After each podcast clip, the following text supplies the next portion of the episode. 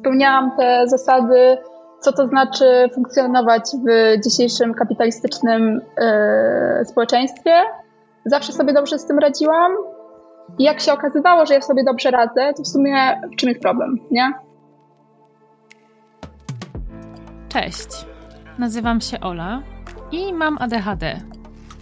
A w tym podcaście rozmawiam z innymi kobietami, choć nie tylko, o naszej neuroróżnorodności, drodze do diagnozy i życiu przed nią i po niej.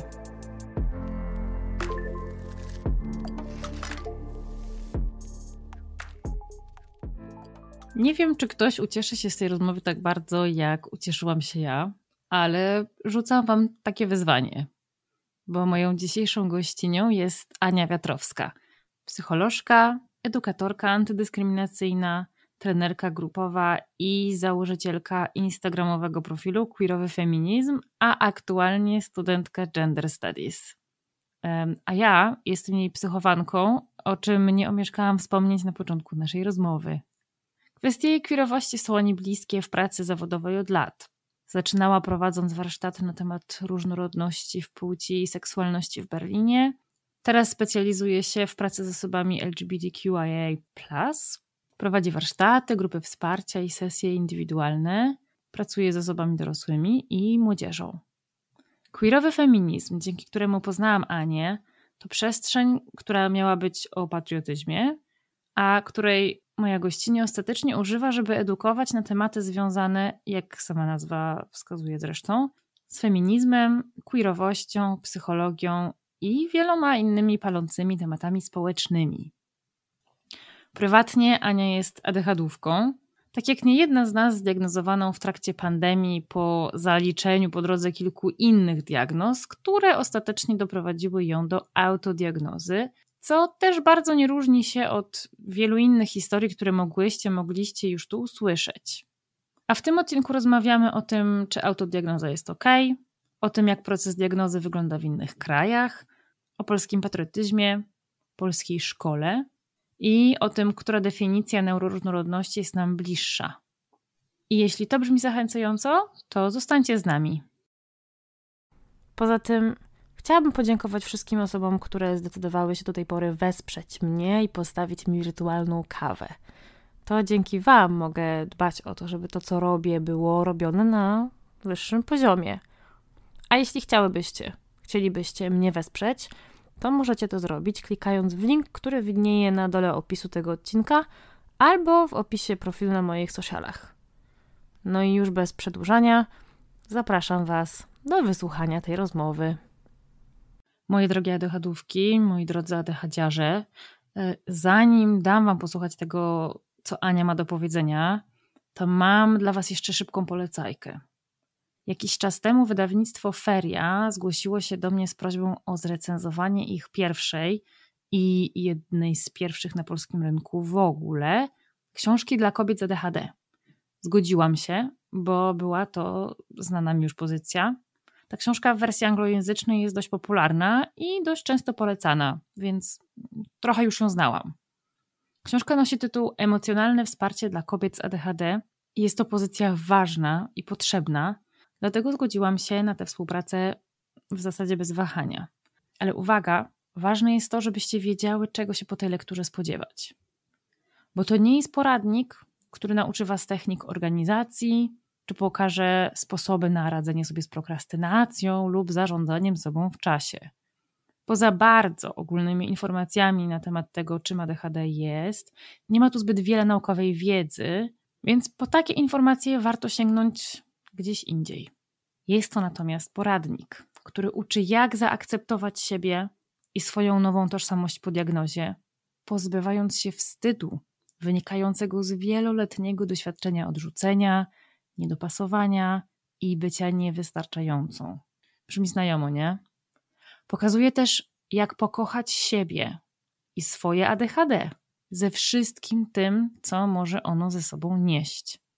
Emocjonalne wsparcie dla kobiet z ADHD daje to, co w tytule, czyli emocjonalne wsparcie. Takie poczucie, którego często szukamy na grupach facebookowych, w social mediach czy w podcastach, takich jak ten. Poczucie, że nie tylko ja tak mam, że to zupełnie normalne i że nie ma w tym nic wstydliwego, ale też nadzieja na to, że nie musi tak być już zawsze, że możemy z tymi przekonaniami pracować po to, żeby je zmienić, żeby nauczyć się sztuki odpuszczania i łagodności dla samej siebie, żeby żyło nam się łatwiej. Tę książkę napisały dwie terapeutki, które same mają ADHD. I jeśli mogę jej coś zarzucić, to na pewno to, że dla niektórych może być zbyt amerykańska, bo jakby nie było, jest to tłumaczenie, osadzone bardzo w amerykańskiej kulturze. No i kolejna rzecz to to, że kobiety, których historię poznajemy w kolejnych rozdziałach, które przeplatają tę część poradnikową, mm, to tak naprawdę reprezentantki jednej grupy społecznej. Białe, heteronormatywne kobiety z klasy średniej, robiące kariery lub zajmujące się domem i rodzinami. Trochę brakuje tutaj takiej różnorodności, która sprawiłaby, że znacznie szersze grono z nas mogłoby się z tymi historiami utożsamiać. Ale mimo to uważam, że warto po tę książkę sięgnąć, bo ona niesie ze sobą przesłanie bardzo bliskie temu, jakim dzieliły się tutaj już z nami niektóre z moich gościń. Czyli to, że nie musimy od razu naszej neuroróżnorodności traktować jak supermocy i taki, takiej nazywać, żeby móc pokochać i zaakceptować samą siebie.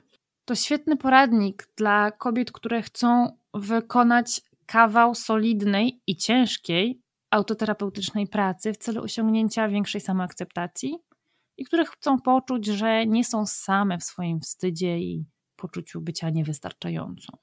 Jeśli czujecie więc, że potrzebujecie takiego emocjonalnego wsparcia, to naprawdę polecam Wam tę książkę. Cześć Ania. Cześć. Tak jak powiedziałam przed chwilą, jeszcze bez nagrywania, muszę to powtórzyć, że bardzo się cieszę, że tutaj jesteś, bo jestem Twoją psychofanką. Dziękuję bardzo, bardzo mnie to cieszy. Myślę, że znajdą się takie osoby, które powiedzą to samo, które będą tego słuchać, bo robisz naprawdę mnóstwo fajnych rzeczy, rzeczy o które będę Cię tutaj dzisiaj pytać. Dziękuję, nie mogę się doczekać.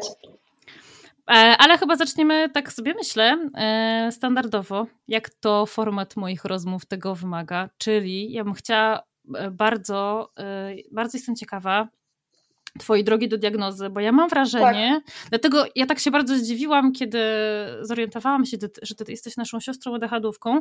Tak. Bo jakoś tak nie, nie natrafiłam na te informacje, mm, mhm. na, na Twój temat wcześniej. Więc jestem bardzo ciekawa, jak to się stało w ogóle, że Ty tę diagnozę ADHD dostałaś. Jasne. Um, moja y, droga do diagnozy była długa i kręta. Ja miałam przez długi czas różne takie problemy psychiczne, powiedzmy, związane głównie z zaburzeniami lękowymi, które jednak nie były w żaden sposób y, diagnozowane. E, I to nie było dlatego, że ja nie chodziłam do specjalistów. Ja chodziłam do specjalistów, tam psychiatra, psychoterapia i tak dalej ale mm, ja byłam zawsze osobą, która um, u której jakby y, obszar zaburzeń lękowych nigdy nie powodował, że ja czegoś nie robiłam. Mhm. Zawsze robiłam rzeczy. E, nigdy nie zawalałam szkoły, nigdy to nie było żadnym problemem. Studia to w ogóle e, przychodziły mi z ogromną łatwością, wręcz bym powiedziała. Więc u mnie ten taki obszar który zazwyczaj jakby można powiedzieć takiego funkcjonowania się pojawia, jeśli chodzi o lęki. No, on był niewidoczny, nie? Ja bardzo dobrze funkcjonowałam, przez co mi nikt nigdy nie stawiał żadnej diagnozy, mimo że ja chodziłam do, nie wiem, psychiatry albo y, jakby miałam psychoterapię i mówiłam, no, czuję się źle i trochę nie wiem o, o co chodzi, nie? I to, to trwało długo. A co, mm. co zazwyczaj słyszałaś, jak, jak, jak tak o tym mówiłaś? Um, wiesz co, ja, um, um, ja byłam diagnozowana z dystymią, czyli taką lek, lekką depresją najpierw, a potem z, z przeszło na zaburzenia adaptacyjne. Zaburzenia adaptacyjne to jest jeszcze lżejsza diagnoza niż dystymia. Czyli takie po prostu, że po prostu, bo to był też czas, kiedy ja byłam e, w Niemczech, kiedy robiłam tutaj maturę, byłam sama, w obcym kraju tak naprawdę. To był taki okres, kiedy, no wiesz, dużo się działo tak na zewnątrz. No i moja psychoterapeutka jakby nazywała to takimi po prostu trudnościami związanymi z tym, że dużo rzeczy się wokół mnie dzieje. Mhm. Nie? Ja faktycznie do diagnozy lęku doszłam sama, czytając, e, czytając książkę, czytałam taką książkę, która bardzo, bardzo opowiadała o tym, w jaki sposób cieleśnie się doświadcza lęku. Okay. Czyli na przykład y, to, że wzdychamy. To może być sposób na pozbywanie się takiej ma malutkiej, malutkiej porcji lęku, nie? To ciekawe. Takie tak, y, no, no, no, to też mnie bardzo wtedy zaciekawiło. I ja zaczęłam szukać w sobie takich y, zachowań, nie? I zauważyłam, że o, faktycznie, ja w sytuacjach społecznych bardzo często chodzę do toalety. Dlaczego? Nie? A to jest bardzo związane z lękiem, nie? Mhm. E, ja jak zaczęłam to zauważać, zaczęłam też zauważyć, że mam sytuacje, kiedy mi bardzo, bardzo mocno bije serce w sytuacjach społecznych. No i jakby ta, takie cielesne, y, cielesne odczucia, które, które jakby pokazywały mi, okej, okay, ten lęk jakoś y, bardzo się pojawia y, w moim życiu. I przełomowym była, była pandemia, która jakby, ja nie wiem, e, e, pandemia była ogólnie lękogenna, nie? Tak. Taki klimat, szczególnie jak sobie myślę o tych pierwszych tygodniach. Mhm. I pamiętam, że ja siedziałam w, w jakiejś tam kawiarni i to był już taki okres, kiedy już coraz mniej było ludzi w tych kawiarniach. E, I do mnie koleżanka napisała tak żartem, nie? To był żart. Co ty jesteś w kawiarni, e, czy tobie życie jest niemiłe, nie? Ja, to było dla mnie taki jakby taki, takie doświadczenie, że ja miałam wrażenie, że po prostu zarazki idą do mnie mhm. i zaczynają wchodzić na moje ciało. Ja nigdy nie miałam takich doświadczeń, że po prostu zaczynam być taka trochę taka yy, paranoidalna trochę, w sensie tak, że tak, że o, nie, muszę iść do domu, czy to, jakby nigdy tego nie miałam. Miałam takie, wow, okej, okay, jest źle. Pojechałam wtedy, bo jakby tak nigdzie nie, wychodzili, nie wychodziliśmy, więc pojechałam z Warszawy do mojej siostry. Moja siostra mieszka na wsi e, i, i tam mieszkałam. I mieszkałam tam parę miesięcy i w pewnym momencie jak się przybliżał powrót do Warszawy, to ja trochę tak zdawałam sobie sprawę, że, że wow, że to jest dla mnie po prostu bardzo trudne to wyobrażenie, że ja mam wrócić teraz do Warszawy nie? i żyć w taki sposób, jak żyłam. Um, to był trochę moment przełomowy, bo wtedy poszłam już z gotową diagnozą, mam zaburzenia lękowe. Do psychiatry powiedziałam, hej, mam zaburzenia lękowe, potrzebuję coś na, to, coś na to, daj mi coś. No i wtedy miałam też takie, nie dam rady wrócić do Warszawy. Nie chcę się, ten, ten aspekt funkcjonowania tutaj był kluczowy, że ja byłam w stanie powiedzieć, nie dam rady czegoś zrobić, nie? um, I dostałam, yy, mówicie tutaj nazwy leków? Możesz mówić. E, dostałam, to co się zawsze, może jak to się nazywa? Estitil. Taki klasyczny SSRI. E, I zaczęłam go brać i to podziałało e, na lęki. E, I teraz e, przejdziemy do części historii, która ma coś związanego z ADHD. To podziałało na lęki i podziałało też w taki sposób, że mi się odechciało wszystkiego. Ja nie czułam lęków, ale ja też nie czułam motywacji do zrobienia czegokolwiek. Ja wstawałam i po prostu moje dni były tak bardzo rozlazłe i tak bardzo o niczym i tak bardzo po prostu dosłownie tak przez palce mi um, przepływały, to było bardzo związane z tym, że dalej byliśmy w pandemii, dalej jakby ja miałam jakby zajęcia online, co oznaczało, że po prostu na nie nie chodziłam, więc nie było tego, no właśnie tego wyjścia na zewnątrz do ludzi, bardzo dużo siedzenia w domu. Mhm. No więc po prostu ja nie wiedziałam, co się dzieje, nie? Wszystko się po prostu tak trochę rozwaliło. I w pewnym momencie byłam u Hani, Hania też u Ciebie była na, e, na, e, w podcaście. I ona opowiadała, że, no, że właśnie, że u siebie rozważa diagnozę ADHD. I ona mi zaczęła y, jakby objawy, nie? W sensie mówiła, że o czym to jest. I ja miałam takie, ale ja tutaj I check all the boxes. Wiesz co chodzi? nie? O co ci ja chodzi? Takie... Przecież tak wszyscy mają. Ja też, ale ja też tak mam. O, ale to jak to mówisz o mnie? Czy o sobie? Nie, y, naprawdę to było takie, takie, miałam takie, no naprawdę to było takie bardzo piorunujące doświadczenie dla mnie. Hmm. Um, a jeszcze tak dodam na marginesie, ja dorastałam z mamą, która przez całe moje życie mówiła Eddie ma ADHD, Eddie to jest mój brat. E, I Eddie, e, czyli mój brat, on był dzieckiem, chłopakiem biegającym. Go nie można było e, samego zostawić w pokoju, bo było wiadomo, że nic nie byłoby już na półkach, wszystko by było mhm. na podłodze. I to nie był czas, bo to było jakby, mam, no, mój brat jest sporo starszy ode mnie, więc to nie było czas, kiedy się szło po diagnozę, ale moja mama czytała charaktery i tak wiesz. I po prostu widziała tam podobieństwo. Mm-hmm. Um, tak, więc jakby ADHD, ja byłam osłyszana bardzo z tym, nie? No i wtedy się zaczęła droga y, diagnozy, nie? I okazało się to strzałem w dziesiątkę, mimo że sam proces diagnozy był u mnie długi. I niepotrzebnie długi też. Jak długi?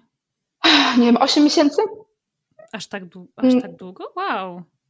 Tak, to, to, yy, i to jakby z jednego powodu poszłam najpierw do, yy, jakby byłam, zdecydowałam się na diagnozę u psychiatry, u którego już byłam mhm. E, i powiedziałam mu, hej, jestem osobą wysoko funkcjonującą, wiem, że to jest czasami problematyczne y, określenie, ale określ, jakby użyłam tego wobec siebie i po prostu u mnie to pasuje w tym kontekście, dla, dla mnie to pasuje w tym kontekście. Ja jestem osobą bardzo wysoko funkcjonującą. Jak się na tym nie znasz, to będziesz mieć problemy, żeby u mnie stwierdzić ADHD, bo nie, jakby nie będziesz mieć na to wrażliwości. Powiedziałam mu to, on się tego podjął, nie? I co, zrobiliśmy diwę, um, był jakiś wywiad, um, w końcu um, jakby zdecydował się, żeby no, przypisać mi Medikinet, ja na Medikinet zareagowałam źle, bo ja za, zareagowałam lękami, to jest, ja w taki sposób zawsze reaguję na takie, jak coś się zmienia w moim ciele, to no po prostu u mnie lęk y, to jest taka, taka emocja, która dosyć dobrze u mnie y, potrafi się tak rozhulać, jak jest coś dziwnego. Przybijam ci piątkę. No. y, no i właśnie, nie? Ja, ja się tym podzieliłam z nim, że, że tak mam. E, on się z tej diagnozy automatycznie wycofał. Powiedział, o ja jestem, nie jestem pewny, to pewnie nie jest ADHD. Okay. I przestał mi wypisywać jakiekolwiek leki. W sensie powiedział, że już jakby, że no, że tam jeszcze była cała akcja z tym, że no ja miałam zrobić, no nieważne, to jest taka poboczna e, historia. I poszłam i miałam wtedy takie, okay, ja po prostu idę teraz do specjalisty, który się w tym jakby na tym zna. Wiem, że poprowadził parę osób i parę osób poprowadził dobrze, Um, no i poszłam do niego i od razu dostałam diagnozę, nie? W sensie po prostu już tak skrótowo już mu opowiedziałam do, o wszystkim, do czego sama już doszłam, bo już 8 miesięcy w tym siedziałam. Nie widziałam jakby sensu w tym, żeby przechodzić jeszcze raz przez diwę. Um, sama jestem po psychologii, więc jakby tak, nie? E, po co? Um, no i wtedy dostałam um, atomoksytynę, czyli ty jakby ty drugi, drugi rodzaj leku. Mhm na ADHD i to podziałało mnie super. O, to ciekawe. Tak, no. To ciekawe, bo ja stoję teraz przed taką kwestią wyboru, bo ja na Medikinet też dosyć źle reaguję. Mhm. I mam atomoksetynę, ale ja się strasznie boję hmm. zacząć ją brać, bo boję się, że będzie podobnie jak przy Medikinecie. A wow! Y, to właśnie, to są moje lęki, nie? Ja się po prostu tak strasznie mm. przestraszyłam tego, jak źle zareagowałam na Medikinet, bo u mnie nie tylko podbijał lęki, ale u mnie wywołał też taki epizod depresyjny. I im dłużej brałam, mm. im dłużej brałam Medikinet, tym wyższym, tym większe miałam, wiesz, obniżenie nastroju i te lęki coraz, coraz mm. większe. I ja się tak strasznie boję, że przy Atomo będzie podobnie, że mm. jeszcze nie zaczęłam tego brać. Okej, okay, a już byłaś y, u psychiatry i rozumiem, że to jest po prostu też drugi wybór psychiatry twojego. Tak, tak, tak, tak, tak, tak. Mm. Dlatego wiesz, to jest jego zalecenie, nie? Spróbuj, spróbuj z niższą dawką medikinetu albo z mm. atomoksytyną. Spróbowałam z niższą dawką medikinetu. Mm, jest tak sobie, a ten, ta mm. nadal leży na półce. Także ciekawe, fajnie, że mówisz to, że u ciebie ten lek drugiego rzutu podziałał, bo często nawet do mnie piszą osoby, które mi mówią, że właśnie, że, że, że jakby zupełnie zrezygnowały z leczenia, bo Medikinet nie działa na nie, nie? albo źle mhm. działa. Tak, no ogólnie warto jest na pewno zaznaczyć, że to są leki psychiatryczne i one na każdego działają zupełnie inaczej. Tak. To jest naprawdę, jakby każdy musi sprawdzić to dla siebie. Atomoksytyna od medikimetu różni się tym, że nie jest stymulantem i że bierze się ją codziennie tak. i że nie ma tych takich skoków, nie? Że, że zauważasz zmianę w, w świadomości, z czymś, czym ja za bardzo nie mogłam sobie poradzić. Mhm. Więc to jest też po prostu inny rodzaj działania, nie? Hmm. Fajne to, fa, fajnie, że o tym mówisz, bo myślę, że to może być takie zachęcające. Dla mnie na pewno jest, także. E, ale wiesz, co jest też ciekawe, to to, że to, co wspomniałaś o tym twoim pierwszym psychiatrze, który nagle przestał ci wypisywać w ogóle leki i jakby zupełnie tak. cię zostawił tak e, samopas, bo ja się spotkałam z takimi um, historiami, um, w których właśnie lekarze traktują w ogóle reakcję na, na Medikinet czy na koncertę jako kryterium diagnostyczne. Ach, no tak, tak. To, to, to jest właśnie też czytałam y, w różnych źródłach, że to jest częste. E, I że w ogóle takie podejście w ogóle a to wrzucę ten medikinet, zobaczymy jak zareaguje. Tak. Jak zareaguje do, dobrze, to ma ADHD, a jak źle, to nie ma ADHD. To znaczy, że tylko szuka sobie tak. jakiegoś rauszu czy coś, nie? Tak, tak, tak. No, ale się w ogóle nie bierze tego kontekstu, nie? Że to jest po prostu też takie logiczne. Ludzie różnie działają na różne substancje. Dokładnie. Dokładnie. E, I wiesz, zobacz, ile, ile ty musiałaś mieć takiego samozaparcia. I po pierwsze, miałaś już dużą wiedzę, ze względu na swoje studia i zainteresowania. E, jakby wiedziałaś już z jakiego punktu startujesz, mhm. idąc do lekarza, ale co ma sobie pomyśleć, albo jak ma się poczuć taka osoba, która nie wie tego wszystkiego, co ty wiesz, idzie z taką nadzieją, że dostanie jakąś odpowiedź i nagle lekarz mówi, a nie, dobra, sorry, to ja wszystko odwołuję, nie masz ADHD. No, no tak, to jest też powód, dlaczego ja krytycznie podchodzę do specjalistów, nie krytycznie podchodzę do do takiego podejścia, że diagnozę trzeba koniecznie dostać u specjalisty, bo mam wrażenie, że okej, okay, teoretycznie to jest, y, rozumiem na jakichś założeniach to bazuje, ale w praktyce to po prostu nie zawsze tak działa i życie jest dużo bardziej skomplikowane.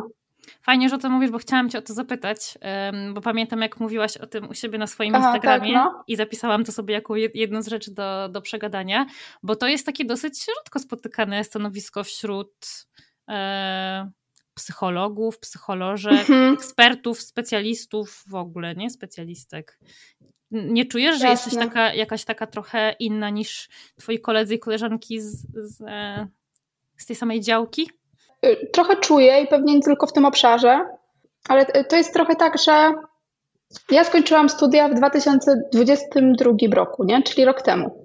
Można powiedzieć, że mam świeżą, jakby świeże doświadczenie tego, czego uczą na studiach. Nie? Mhm. I skończyłam też na Uniwersytecie Warszawskim, można powiedzieć, dobra uczelnia i tak dalej. Nie? Nas nie uczą o ADHD w taki sposób, żeby potem móc diagnozować ludzi. Nie? W sensie osoby, które są po psychologii, muszą się dokształcać, żeby mieć wiedzę na ten temat, żeby diagnozować osoby, plus dodatkowo do tego dochodzi wiedza, y, ok, jak różni się to objawami u mężczyzn, jak różni się objawami u kobiet, jak różni się w zależności od tego, ile masz lat, od tego, czy jesteś jakby, jak dobrze funkcjonujesz, w jaki sposób to musi się maskować. To jest ogrom wiedzy, którą się dostaje, którą się nabywa, raz y, w teorii, na szkoleniach, warsztatach z książek, dwa z praktyki i to zajmuje lata, żeby mieć naprawdę takie ucieleśnione doświadczenie, okej, okay, był była u mnie taka osoba i jakby nie w sensie, że miało się dużo pacjentów i pacjentek y, i wie, że to może się w różny sposób y, objawiać, nie, że ma się takie doświadczenie. Takich specjalistów w Polsce bardzo, bardzo mało. Bardzo mało. I nie chcę krytykować tylko Polski, ich jest mało na świecie. Mogę mówić też o Niemczech, ich jest super mało w Niemczech. Mhm. I to jest bardzo trudne uzyskać dostęp do specjalisty, który się na tym zna. Nie mówię tutaj tak samo o psychologiach, jak o psychiatrach, bo to, co powiedziałam o psychologii, to się tyczy też jakby medycyny i psychiatrii. Tam też nie jest o tym mówiony w wystarczający sposób. Nie? Więc jak słyszę taki postulat, że diagnozę dostaje się u specjalisty, nie, czy że to jest taka diagnoza, która jest słuszna, to włącza się we mnie obawa, okej, okay, ale tych specjalistów wcale nie jest wystarczająco dużo, dostęp do nich nie jest wystarczający, żeby każda osoba, która takiej diagnozy potrzebuje, ją dostała. No i w tym samym momencie podchodzę też właśnie krytycznie do tych specjalistów, nie? Ja podważam to, że specjaliści umieją wystawiać te diagnozy w poprawny sposób, nie? W takim sensie, że dla mnie diagnoza jest tak samo poprawna i niepoprawna, jak jest autodiagnoza. Mhm. Że dla ja widzę te dwa elementy. Mhm. Nie? Że autodiagnoza może być tak samo poprawna i niepoprawna, jak może być diagnoza wydana przez specjalistę. Super, że o tym mówisz, bo to jest dokładnie, to jest taki kij, który ma dwa końce. I ja widzę czasami takie dyskusje, które się toczą gdzieś na tych grupach na Facebooku. Ludzi, mhm. którzy sami mają ADHD i którzy y, na tyle, wiesz, kształcą się sami na ten temat, czytają, mhm. słuchają, oglądają różne rzeczy, że my czasami mamy wrażenie, że my szybciej i łatwiej potrafimy te takie ADHDowe rzeczy u kogoś innego wyłapać, niż taki specjalista, który specjalista, który się nie specjalizuje, powiedzmy, nie w ADHD. Tak. No. E, I to jest ciekawe, ale muszę cię o to zapytać. Nie masz takiego poczucia, że jednak, że ta, że ta autodiagnoza może być trochę niebezpieczna, jeżeli jej nie zostanie mm, skonfrontowana ze specjalistą? Że wiesz, ktoś może na przykład mieć, nie wiem, po prostu, znaczy po prostu, ktoś może mieć jakieś inne zaburzenie, ktoś może mieć, e, nie wiem, zaburzenie osobowości albo, albo traumę złożoną, a stwierdzi, dobra, wszystko mi pasuje, mam ADHD i nie potrzebuję iść do psychiatry. Oczywiście, że tak. W sensie, że oczywiście, że, yy, że to może być sytuacja taka, no wiesz, że po prostu nie masz wystarczającego dostępu do informacji i teraz jakby ciągle, nie wiem, yy, jesteś na TikToku czy na Instagramie i ciągle widzisz treści na DHD i po prostu znajdujesz te, to, znajdujesz opis swojego doświadczenia w pewnym sensie, nie? Znajdujesz siebie w tych doświadczeniach. Oczywiście, że to jest sytuacja, która nie jest dobra nie? i która potrzebuje innego rozwiązania. Rozwiązaniem nie jest powiedzenie, że wszystkie osoby muszą dostać diagnozę od specjalisty.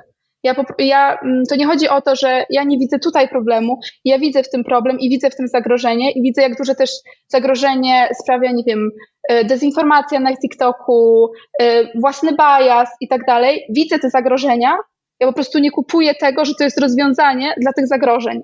Mhm. Fajnie, że o tym mówisz. Bardzo, bardzo mnie cieszy, że pojawia się taki głos w tej dyskusji. Zwłaszcza, że właśnie żyjemy w kraju, znaczy my żyjemy w różnych krajach, ale, ale, mhm. ale osoby, które tego słuchają w większości żyją w kraju, w którym tych specjalistów niestety jest tak mało i e, wszyscy z nas tak naprawdę y, chodzą do podjagnozy prywatnie. To kosztuje mnóstwo pieniędzy. Dokładnie. umówmy się, że to się, ja cały czas o tym mówię, bo to jest bardzo istotna kwestia. To się wiąże z ogromnym przywilejem. Możliwość pójścia pod diagnozę i możliwość leczenia. Jak to wygląda w Niemczech? Wiesz może? Wiem, wiem, bo jestem takim na, na, w takim y, planie, żeby się rediagnozować tutaj, żeby móc, y, bo tu jest więcej leków też dostępnych. Mhm. Um, um, i też są refundowane. Um, masakra. Masakra, naprawdę jestem w Berlinie i w Berlinie jest tak, ale to nawet nie chodzi o ADHD. W Berlinie jest nawet trudno mieć termin na, y, do psychiatry. Wow. Nie w sensie, że tu już jest problem. I ja teraz mówię faktycznie tylko i wyłącznie o terminach do, no wiesz, na NFZ, nie? Ten niemiecki. Mhm. Na, w sensie, że ja prywatnie tutaj nie chcę iść, nie chcę wchodzić w koszta, bo ja już diagnozę mam, ja nie potrzebuję kolejnej, ja to robię tylko ze względu na to, żeby ułatwić sobie kupowanie e, leków, nie? Mhm. że to jest jedyny powód tak naprawdę, więc no nie, no nie ma sensu, żebym wchodziła w koszta, no ale jakby znalezienie osoby, która ma terminy jest bardzo trudne, bo to też jest tak, że właśnie są te znane lekarze, takie niemieckie, ale na nich nie ma, u nich nie ma terminów, mhm. więc trzeba znaleźć osobę, u której jest termin, ale do, jakby termin do tej osoby znajduje się, jakby jest dużo trudniej niż w Polsce mam wrażenie, bo trzeba albo pytać oso, osu, osoby, albo prosić y, o takie listy ze specjalistami od swojej krankenkasy i potem po prostu dzwonić do nich. No, no nie wiem, i dla mnie to jest po prostu, mnie to przerosło totalnie, w ogóle nie, no nie mam żadnego jeszcze terminu, po prostu nie dostałam go. Jestem też tylko cztery dni w Berlinie, więc jakby, a potem jadę do Polski, więc no też jakby nie mam czasu trochę na to. No ale rozmawiałam też z osobami, które mają diagnozę i też jakby podejmowały diagnozę w Niemczech, też mówiły, że po pierwsze długo czekały, nie? Hmm. Czyli pół roku, osiem miesięcy. No jest, jest plus taki, że są specjaliści e, od ADHD, e, który, którzy mm, są dostępni na, na ten Krankenkasse, nie? czyli na ten niemiecki NFZ powiedzmy. Więc jest możliwe, możliwość uzyskania w taki sposób y, diagnozy, e, ale też muszę dodać, nie wiem jak jest ok u ciebie, ale tutaj jak ja patrzyłam na to, ta diagnoza jest cholernie długa. To znaczy? Nie, w takim sensie, że sprawdzanie wszystkich funkcji poznawczych związanych z uwagą. Wow. Tak zwany TAP test, który bardzo długo trwa. Tak, to słyszałam od osób, że się do okay. tego tak podchodzi, tak, że, że się po prostu funkcje poznawcze, sorry, funkcje wykonawcze wszystkie po kolei sprawdza. Nie? Wow, to ciekawe. Zastanawiam się, na ile to jest w ogóle konieczne. No właśnie, no właśnie. Wiesz co, no. tutaj, tutaj też to wygląda słabo z jednej strony, a z drugiej strony lepiej niż w Polsce. No bo mhm. y, tak jak w Niemczech jest możliwość zrobienia diagnozy na tak. NHS, za którą tak. się nie płaci ani grosza y, i leki też są refundowane. Y, oczywiście też się to bardzo długo czeka. Od y, mniej więcej początku pandemii czeka się coraz dłużej. Są takie skróty. Ja idę mm. tym skrótem, bo ja robię dokładnie to, co ty. Przenoszę sobie diagnozę z Polski tutaj i też nie robię tego prywatnie, żeby niepotrzebnie nie wydawać pieniędzy. Mm, I nawet już ten, ten skrót przestał być skrótem, bo mhm. idąc skrótem czekasz na pewno 6 miesięcy, jak nie dłużej w tym momencie. No, wow. Z tym, że wiem, że. No, to jest długo. Tak, tak. Z tym, że wiem, że już sama diagnoza potem to jest kwestia w zasadzie jednego godzinnego spotkania. A wow, tak? Tak, chyba że, chyba, że jest jakaś potrzeba na przykład, nie wiem, rozmowy z rodzicami, bo na przykład ktoś nie pamięta dzieciństwa, nie, mhm. jest w stanie, nie jest w stanie odpowiadać na te pytania przed diagnozą wy, trzeba wypełnić chyba z 10 różnych formularzy, więc to jest takie A, okej. Okay. Ale mhm. wiesz co, powiem Ci, że okay. sam, sam, proces dochodzenia do tego, dojście do tego momentu, w którym jesteś na liście oczekujących na ten assessment jest tak wyczerpujący, że jeżeli ktoś przez niego przejdzie, to tak naprawdę leki na DHT chyba już mi nie są potrzebne, bo potrafi, o, no potrafi tak, tak, ale tak. Mhm. No, naprawdę. Ale ja, ja słyszę to, co mówisz. Bo mam wrażenie, że w Niemczech jest podobnie, że ten mm. proces jest tak długi, biurokratyczny, że tylko część osób, które i tak już pewnie jakby nie mówię o cierpieniu, ale o tym aspekcie funkcjonowania, y, funkcjonują w jakiś sposób. Tak. I się wyklucza całą masę osób, dla których to jest z jakiegoś powodu niedostępne. Tak, dokładnie. Dokładnie tak to wygląda. Ja mam na przykład koleżankę, która podejrzewa u siebie ADHD i, i autyzm. I jedna mhm. i druga diagnoza jest bardzo trudna do dostania, e, chociaż mam wrażenie, że ta diagnoza autyzmu jest trochę łatwiej, łatwiejsza tutaj niż w Polsce, ale nie znam jeszcze szczegółów. E, w każdym razie, tak, ona na przykład jest na takim etapie, że ona nie ma siły się przebijać, bo musisz przejść przez swojego lekarza ogólnego najpierw, tego lekarza pierwszego mhm. kontaktu. Jeżeli trafisz na kogoś, kto nie zna tego procesu i nie wie, co z tobą zrobić, no to możesz się po prostu odbić od ściany i w zasadzie zostajesz bez pomocy, nie?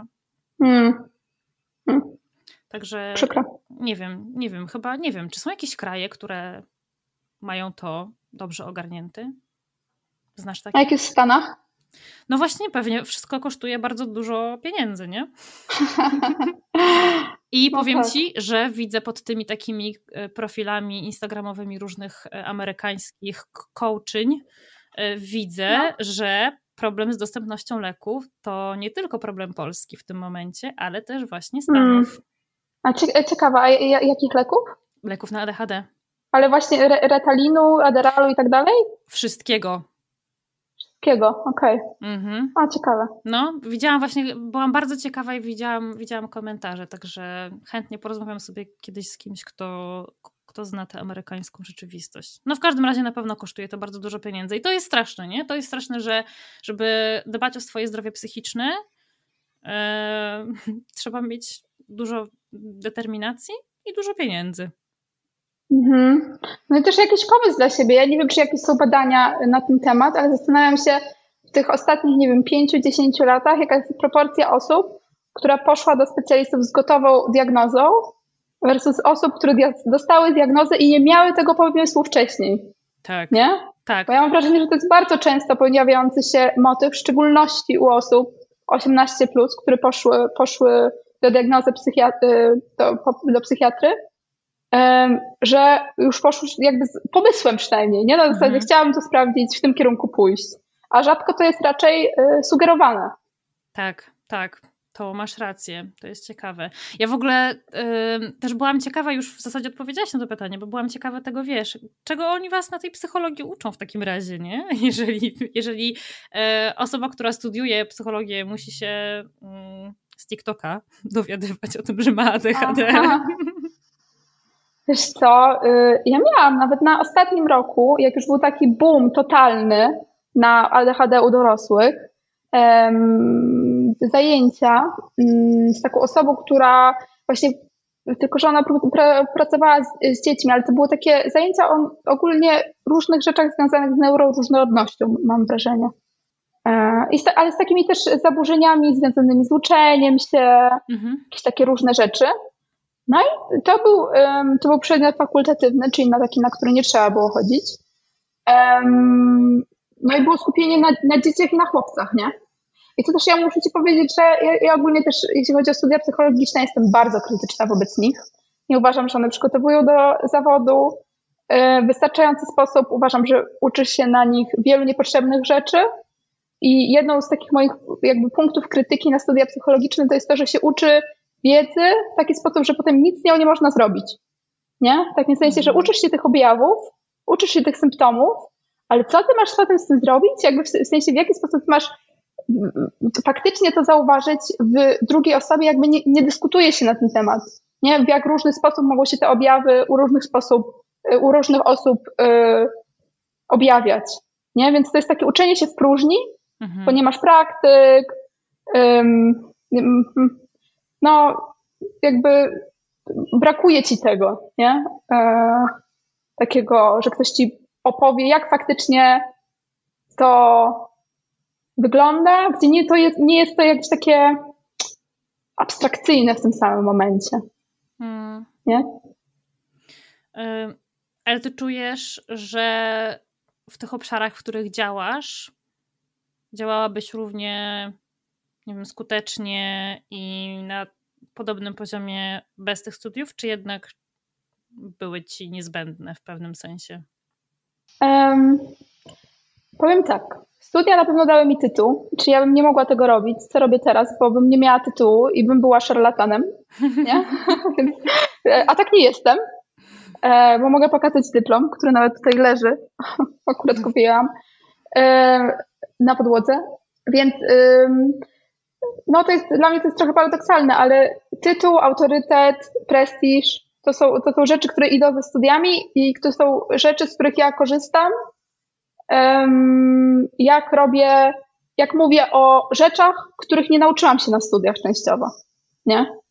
To, czego na pewno się nauczyłam na studiach, to jest czytanie badań, no tak. e, I jakby co to znaczy, że metodologia jest dobra, co to znaczy, że jakieś badanie jest y, jakby takie, no, że po prostu można go użyć, tak? Jakie badania są lepsze, jakie gorsze i tak dalej.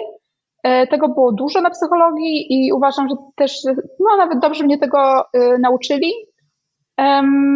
Więc to, to na pewno mi da psychologia, nie? Miałam jakieś, y, miałam parę zajęć, które bardzo dobrze wspominam. Mam parę osób, w sensie prowadzących zajęcia, który też bardzo dobrze i ciepło wspominam, ale to są bardziej wyjątki niż e, reguły, nie? To ciekawe. I ja też sobie myślę, że wiesz, czytanie badań naukowych, interpretacja, jakby to są takie rzeczy, których powinno się uczyć już na poziomie jakiś, nie wiem, liceum. E, A, no. To, to są takie rzeczy, które. To, to jest taka wiedza, z którą każdy powinien wychodzić ze szkoły. To nie powinno być zarezerwowane tylko dla wybranych studiów wyższych. A to, je... to, to, ciekawe, w sumie, w sumie, w sumie, no, w sumie, albo takie kursy po prostu z czytania badań, nie? To zawsze może przyzna, przydać. Tak, a u nas Prawda, no? jest, jest spory problem z tym. E, ludzie wierzą tak naprawdę wszystkiemu, co przeczytają w internecie, wszystkiemu, co jakieś influencje. Co ma cytowanie na końcu. dokładnie, dokładnie. No. Także przydałaby się taka wiedza. Ale wiesz co, ja do tej pracy twojej zaraz y, chcę mhm. wrócić, tylko że jeszcze tak um, chciałabym się cofnąć na moment do pewnej rzeczy, którą powiedziałaś, bo ty użyłaś sformułowania wysoko funkcjonujące, ja wiem, że ono jest problematyczne. Tak. Natomiast ono, tak naprawdę to ono opisuje po prostu wysoki stopień maskowania. Tak. I ja jestem bardzo no tak, ciekawa, prawda, no. jestem bardzo ciekawa tego twojego doświadczenia mm, z tym związanego. Jakbyś mogła trochę o tym opowiedzieć? Jakby skąd y, w tobie takie poczucie, że skąd miałaś to poczucie, że idąc do psychiatry, że, że on może mieć problem z tym, żeby u ciebie te ADHD-owe rzeczy rozpoznać? Wiesz co, no takie jakieś moje przekonanie czy nastawienie brało się z mojego doświadczenia wcześniejszego z psychiatrami E, którzy jak słyszeli, że e, ja chodzę do szkoły, matura nie jest żadnym problemem, studia nie są żadnym problemem potem e, i pracuję i tak dalej, trochę przestawali mnie potem słuchać. Nie? W takim sensie, że już wszystko, co ja mówiłam potem, że mam jakieś trudności, że, czy, że źle się czuję, że coś tam, coś tam, w pewnym sensie przestawało się liczyć nie? Bo ja spełniałam, spełniałam te zasady, co to znaczy funkcjonować w dzisiejszym kapitalistycznym y, społeczeństwie. Zawsze sobie dobrze z tym radziłam. Chyba tylko okres pandemii był takim, kiedy gorzej. Y, jak się okazywało, że ja sobie dobrze radzę, to w sumie w czym jest problem, nie? To, że mhm. ja jakoś, wiesz, źle się czuję i po prostu ciągle ze sobą walczę i mam wrażenie, że jestem ciągle na dużej takiej e, samokontroli e, i po prostu robienie rzeczy dużo mnie kosztuje, jakby nie liczyło się w ogóle. Mhm. No. no właśnie, to ile cię to kosztowało? Jakby, no już o tych, o tych lękach opowiedziałaś, ale co tam jeszcze Jasne. było takiego, że, że czułaś, że to, że to jednak nie jest okej? Okay? Um, wiesz co, moja, moja droga szkolna to trochę y, pokazuje, um, jak, w sensie jak bardzo um, ja się w takim typowym systemie e, męczyłam, e, bo ja mam taką drogę czy historię szkolną, e, że w momencie, kiedy chodziłaś do gimnazjum, nie, ja jestem z tego pokolenia, które było ostatnim pokoleniem, które było przed systemem gimnazjalnym. A, okej, okay, okej, okay, okej. Okay. No to ja chodziłam do gimnazjum i gimnazjum od siódmej klasy było tak, że zamiast przyrody miało się fizykę, biologię, geografię i chemię, nie? Po parę godzin. I ta zmiana z podstawówki na gimnazjum była dla mnie taka, że mnie szkoła zaczęła masakrycznie nudzić masakrycznie nudzić. Co przełożyło się na to, że ja y, ze swoimi koleżankami wpadałyśmy na coraz to głupsze pomysły, jak spędzić czas na lekcji i poza lekcjami. Nie? I tu się y, zaczęła cała historia mojego dorastania. Mm, nie, to było takie 13-14 lat i tam było dużo wszystkiego. Nie? Też się mówi często o tym, że właśnie osoby z ADHD częściej y, piją alkohol wcześniej, częściej biorą jakieś substancje wcześniej um, i tak dalej. No u mnie, u mnie się po prostu to wszystko y, pojawiło, włącznie z no właśnie, na przykład, że chodziłam do szkoły, wiesz, na drugą albo trzecią lekcję i szłam do domu do piątej, bo już, już nie wytrzymałam, po prostu matko kochana, tak nudno mi było, nie? Mhm. Um, I ja potem, po trzeciej y, klasie gimnazjum, pojechałam do Niemiec. Y, ten wyjazd do Niemiec to był trochę taki trochę propozycja mojej mamy, bo, bo ona już trochę nie wiedziała, co ma ze mną zrobić, nie? Ja też się do żadnego liceum takiego dobrego nie, nie dostałam. No więc y, jakby był pomysł, jedzie do ojca, to Niemiec, y, taka zmiana dobrze ci zrobi, nie? Um, pojechałam, poszłam do niemieckiej szkoły, w której też na początku się strasznie nudziłam, bo nie rozumiałam nic po niemiecku, ale e, w tym samym momencie niemiecka szkoła funkcjonuje inaczej niż polska, funkcjonuje na kontakcie z drugą osobą. Czyli jak osoba prowadzi zajęcia, to jest cały czas w kontakcie z grupą i patrzy, czy ktoś rozumie, czy nie idziemy za szybko, yy, czy coś jeszcze wytłumaczyć. I okazało się, że ja, jak dostaję ten kontakt od osoby prowadzącej zajęcia, to ja jestem w stanie bardzo dobrze w nich uczestniczyć. Ja na przykład pamiętam do dziś, mam doświadczenie matmy, z której już na koniec gimnazjum już po prostu kulałam, e, po prostu groziła mi dwuja, bo ja mama po prostu nie mogła wytrzymać, jak ja będę miała dwóje na świadectwie, że po prostu będzie masakra. Miałam doświadczenie matmy w Niemczech, gdzie osoba, e, która prowadzi zajęcia, zapisuje równania mhm. na tablicy. Nie? W sensie nie chodzi się do tablicy, tylko osoba, która prowadzi zajęcia, zapisuje równania do tablicy.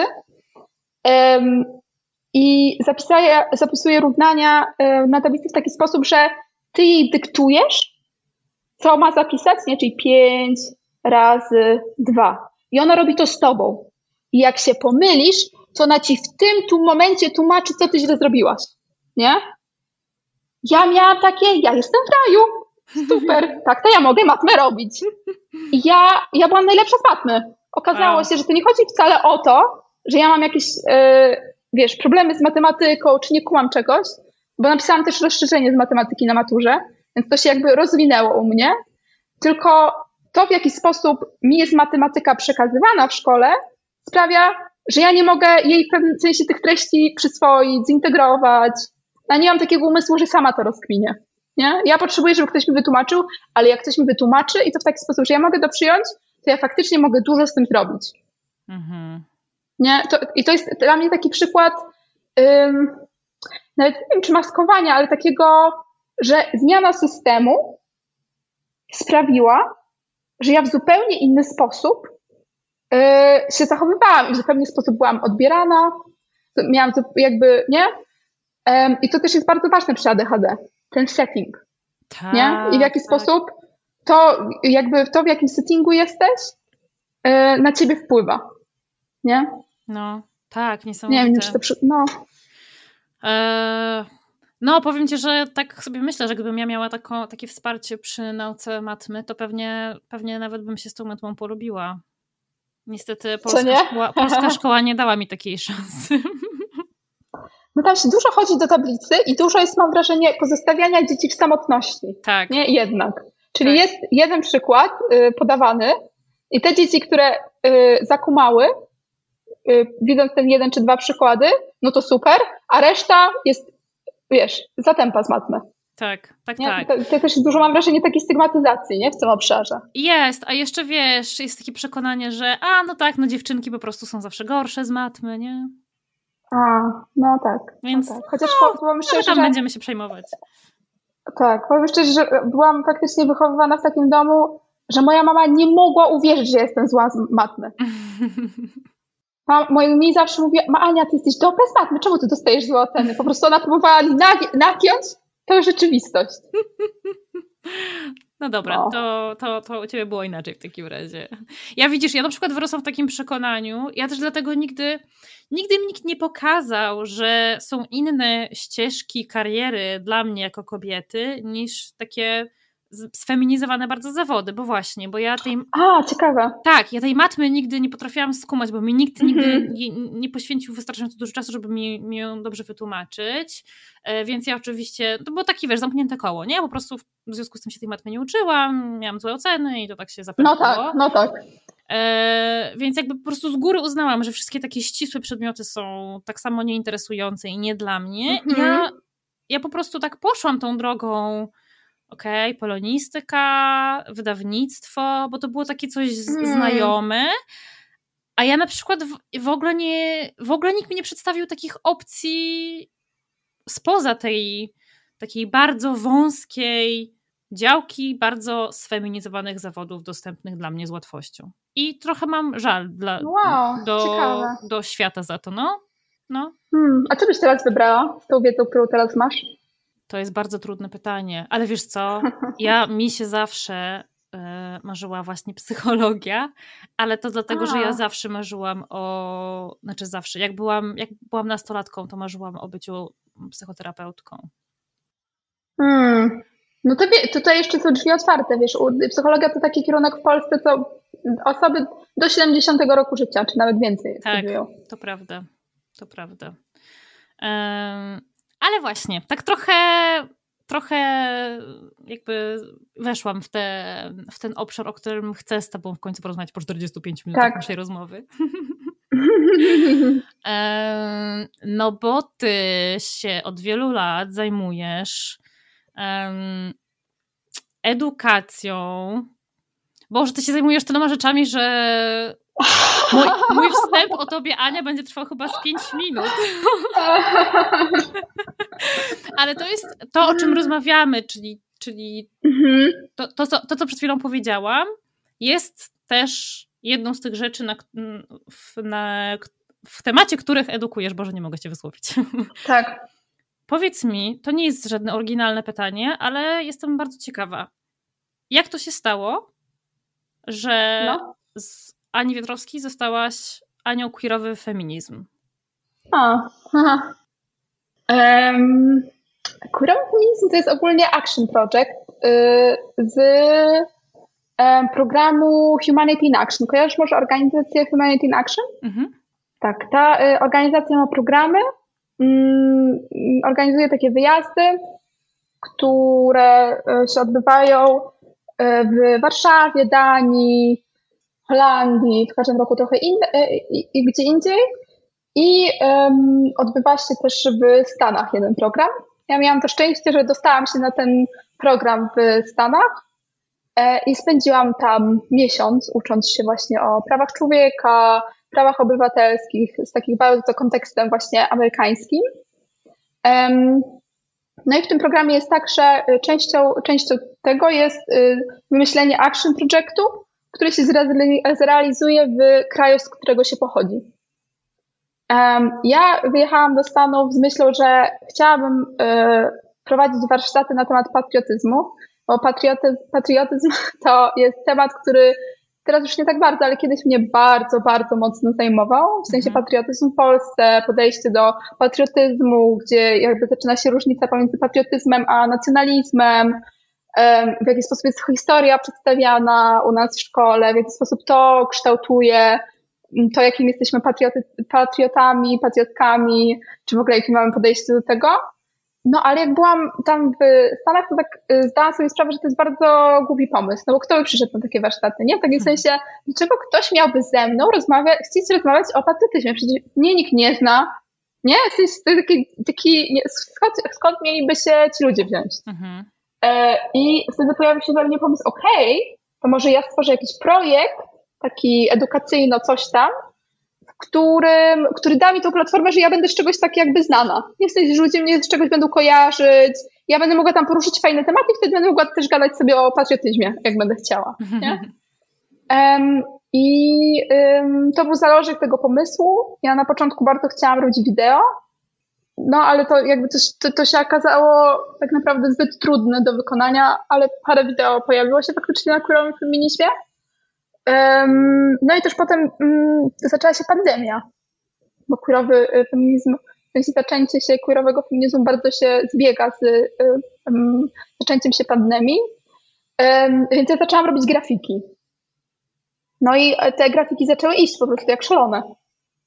I taki trochę jest y, tego, tego początek, nie?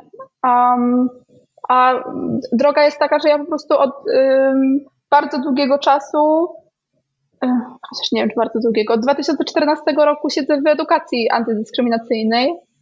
Um, I jakby robiłam e, projekty różne rzeczy w Niemczech, w Berlinie, jak jeszcze um, robiłam tutaj maturę. No a potem wróciłam do Polski z taką, z taką potrzebą działania w tym obszarze też, nie? I robiłam różne rzeczy, nie byłam zrzeszona z jakąś organizacją, no ale robiłam konferencje, na przykład pomocy psychologicznej i psychoterapii z punktem ciężkości na mniejszości, czyli była wtedy edycja na LGBT i osoby z niepełnosprawnością, czyli jakby od samego początku było dla mnie ważne wprowadzać tę perspektywę systemową do psychologii, do tego, że po prostu to, jaką mamy tożsamość, jak mamy dostęp do władzy i zasobów, też bardzo kształtuje to, jak my doświadczamy e, siebie, różnych rzeczy i tak dalej. No i w, pewnym momencie pojawił się queerowy feminizm w pewnym sensie. Czy masz czasami takie poczucie, że żyjąc po części w Polsce, masz zagwarantowaną pracę w tym obszarze do końca życia? Jeszcze ze dwa życia by, by się przydały dodatkowo później? W psychologii czy edukacji antydyskryminacyjnej? W edukacji antydyskryminacyjnej. A, aha. No, ta, no tak, no, znaczy jest, jest dużo, na pewno dużo do zrobienia, ale też jakby dużo osób, um, to też jest tak, że te ostatnie dwa lata czy trzy to jest boom różnych projektów i różnych inicjatyw, jeśli chodzi o zmianę społeczną w Polsce, nie? W sensie naprawdę dużo się dzieje, e, co jest też super. E, no tak, tylko najczęściej to są takie bardzo oddolne inicjatywy. No niestety, niestety, bo no, nic e, w Polsce jeszcze, mam nadzieję, że kiedyś to się zmieni, ale jeszcze bardzo mało inicjatyw jest e, finansowanych państwowo takich. Jeśli są finansowane państwowo, to są finansowane przez miasta, mhm. czyli nie wiem, miasto stołeczne Warszawa, miasto stołeczne Białystok też coś tam e, finansuje, wiem, takiego feministycznego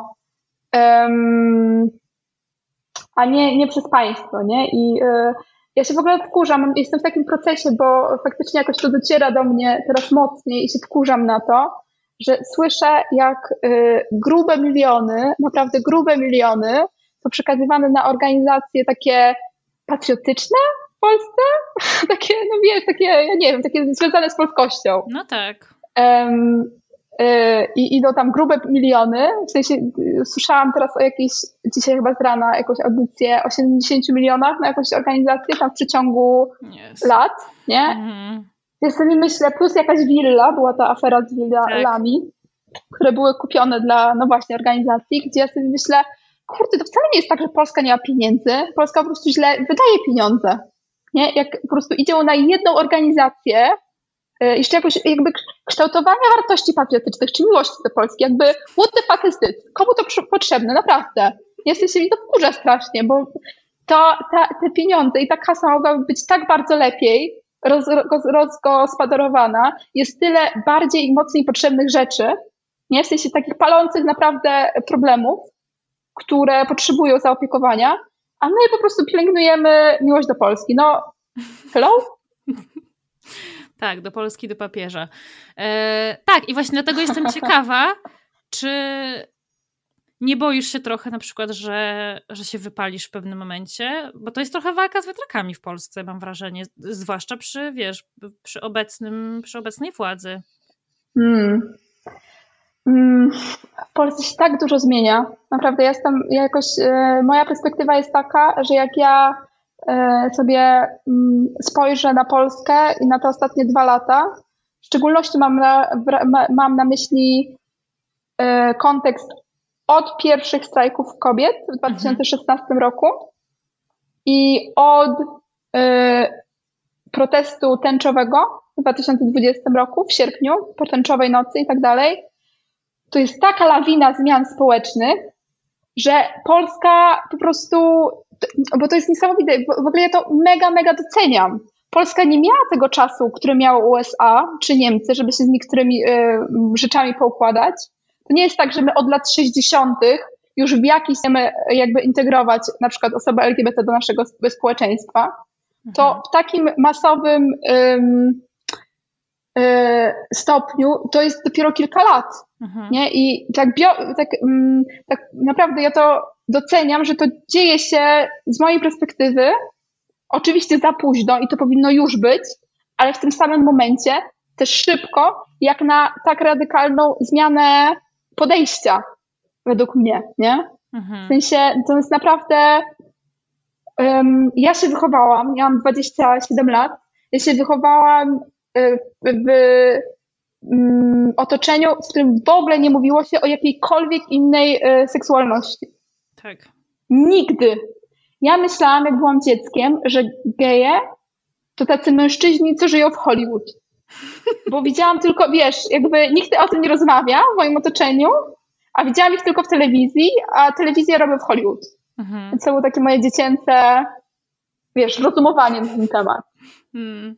No i, i tak, więc, więc ja mam wrażenie, że okej, okay, nie, jak się porównuje Polskę do Niemiec, czy porównuje do UK, czy do USA, czy jakby whatever, no faktycznie wypadamy gorzej. I ja wiem, że rzeczywistość wielu osób w Polsce jest zła i powinna być lepsza. Nie, nie wiem, dostęp do tranzycji, whatever, naprawdę jest źle, powinno być lepiej. W tym samym momencie doceniam to, że te zmiany dzieją się i dzieją się jakby szybciej niż mam, jakby, nie? Rozumiem, rozumiem o co ci chodzi. Faktycznie, yy, nie pomyślałam o tym w ten sposób, że my po prostu te zmiany zaczęliśmy wprowadzać dużo później niż, niż kraje zachodnie. Dużo później. To prawda. Są jakieś takie miejsca w Polsce, oczywiście jakby wiadomo, że w, w, małych miejscowościach i na wsiach jest zawsze najgorzej, ale są jakieś takie, nie wiem, jest jakiś podział w Polsce na wschodnią, zachodnią, północną, południową pod tym kątem, gdzie jest, gdzieś jest gorzej, gdzieś lepiej? Oj, definitywnie. No, definitywnie. To, to jest, wiesz, ja, ja pochodzę z Białego Stoku, więc ja mogę tą perspektywę przedstawić też ze względu na to, że mam jakby największy dostęp do um, informacji na temat. Po Marszu Równości, nie wiem, słyszałaś o tym Marszu Równości, który mhm. był w Białymstoku? Mhm. Pierwszy raz, e, pierwszy Marsz Równości, który był w Białymstoku w 2019 roku, e, no, był powiedzmy dla wielu osób traumatyczny, bo y, kontrmanifestacja była równoliczna, o ile nie większa od osób, które faktycznie uczestniczyły w marszu, plus do tego dochodziły takie sytuacje, które były naprawdę niebezpieczne, nie? czyli osoby były, były rzucane, nie wiem, butelki, petardy, osoby były takie naprawdę fizycznie też, ktoś komuś połamał rękę, nie? w sensie, że to naprawdę dochodziło do takich rzeczy, plus też upokarzające, nie? Czyli na przykład rzucanie um, um, takiego zepsutego jedzenia na osoby, nie? Więc to było takie, e, takie doświadczenie, e, w sensie mnie nie było, ale takie doświadczenie, jak um, mówili o tym w Polsce, nie? Że ja miałam wrażenie, że wow, ludzie sobie zdali z tego sprawę, że w Polsce jest homofobia. Gratulacje! Jakby super! Nie, w to było trochę dla mnie takie dziwne, bo to, że w Polsce, w Polsce jest homofobia i że ludzie mają dziwne yy, poglądy, i dla mnie, dla mnie to było oczywiste, nie, że tak jest.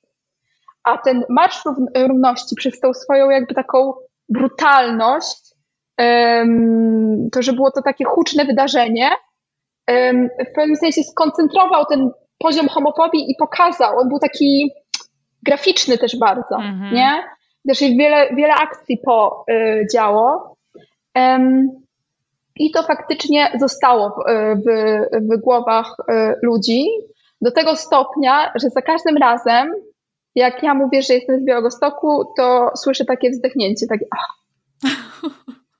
No, w sensie, że, że, że, że, tak, że tak, nie, ale czasami też jest takie, jak sobie radzisz z tym, nie, w sensie tak, że ludzie takie, to były tak wręcz, tak, wręcz taką, um, taką, taką opieką chcą mnie wręcz mm -hmm. Otoczyć. Ja mam na to trochę takie, y, tak, tak, tak, tak, taką perspektywę, że, że okej, okay, nie? W sensie, że to, że to się tam wydarzyło, są powody też, dlaczego to się wydarzyło w Białymstoku, nie? Bo to też nie było osoby z, Białego, z Białegostoku, tylko um, no, osoby się zjechały tak. do Białegostoku, nie? Zostały skrzyknięte i są powody, dlaczego akurat w Białymstoku coś takiego się wydarzyło. I to można sobie tak historycznie prześledzić, nie? Um, dlaczego akurat tam jest taka mekka y, takich nacjonalistycznych y, ugrupowań, y, powiedzmy. ale w tym samym momencie ja mam tak, że to nie jest tak, że Białystok jest homofobiczny, a cała reszta Polski nie. Mhm. Nie? My w Polsce ogólnie mamy z tym problem dosyć duży dalej, nie? Um, I tak wiele, wiele się mówi, dużo się zmienia i tak dalej, ale w tym samym momencie to jest dalej problem, nie? Ja mam taki chyba problem po prostu z demonizowaniem wschodu, mhm. który mam wrażenie, że się dzieje. Faktycznie jest tak, że tak, że, no, że tam jest dużo homofobii, bo mam wrażenie, że to jest takie trochę mówienie, tam jest źle, ale u nas jest dobrze. Nie? Takie trochę stawianie siebie, mhm. u nas jest lepiej, to tam jest gorzej, tam trzeba pracować, nie? Czy, czy nad, nawet nad, nad y, wieś versus duże miasto, nie? W Warszawie też jest dużo homofobii. Tak. Ja na swoich studiach psychologicznych na UW jakby nie, w sensie mogłoby się oczekiwać, że, że nie, ale tak, oczywiście, że tam też jest dużo homofobii, nie? Jakby to jest takie, no nie wiem. Hmm. E, a z czym czujesz jest największy problem, jeśli chodzi o te kwestie równościowe w Polsce? Gdzie jesteśmy najdalej w lesie o. jeszcze? Bo ja mam wrażenie, że już o ile, o ile, o, ile, ludzie są w stanie zaakceptować, że dwie kobiety czy dwóch mężczyzn mogą się no. kochać, to mam wrażenie, że to jest takie maksimum, jeśli chodzi o taką e, mhm. ogólną akceptację społeczeństwa, a cała reszta leży. Ale to może być moje osobiste wrażenie. Mhm. No, to jest trudne pytanie. Trudne pytanie. Bo ja mogę się podzielić z tym, co, yy, co najwięcej jakoś na. Czy, gdzie ja czułam największe oburzenie społeczeństwa na yy, queerowym feminizmie. Mhm, mhm. I to wcale nie były tematy queerowe, tylko to były tematy kolonializmu i e, osób żydowskiego pochodzenia. To nie? jest mega ciekawe, Czyli... bo ja nawet jeszcze dzisiaj patrzyłam na te twoje no. posty właśnie. No, mów, mów. E, tak, no ja miałam takie doświadczenie, że jak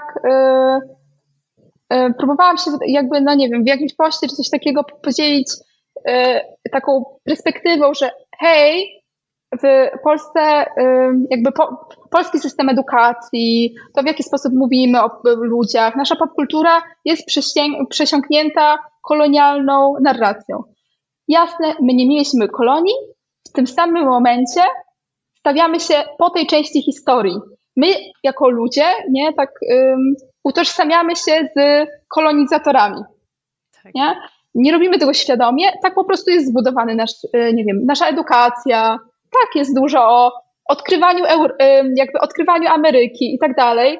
To jest po prostu, nie ma bardziej kolonialnej narracji niż to, że Krzysztof Kolumb pojechał i odkrył Amerykę. Nie? W mhm. sensie, że e, to jest bardzo ewidentne. Nie? I my, my, my jesteśmy w tym wykąpani. Tak. Nie? Od dziecka, bo to się już też pojawia w przedszkolu.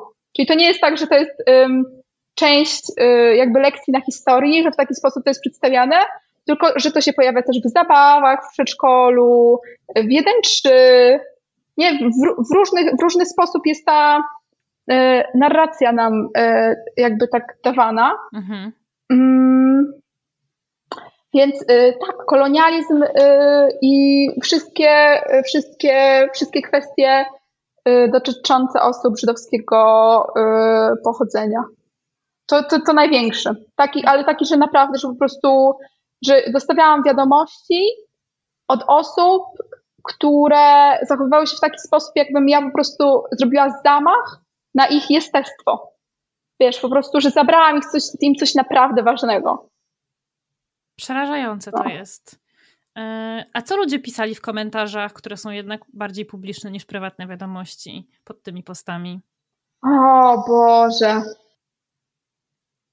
No najczęstszym komentarzem to chyba było po prostu Polska nie miała kolonii, więc jakby, że, że jakby, że to jest koniec dyskusji, nie? Mhm. E, e, gdzie ja, ja mam taką refleksję, bo ja, ja tych komentarzy naprawdę przeczytałam dużo o tym Polska nie miała kolonii i to jest trochę takie, to jest też część jakby takiego takiego, w sensie takiego działania z pozycji przywileju, że traktujesz swój kraj, jakby on był oddzielny od innych krajów. Mhm. Nie? Że nie jesteś częścią globalnych dynamik międzynarodowych, tylko w pewnym sensie twój kraj, on jest, w jaki sposób się odchronił od tych globalnych dynamik, mhm. nie?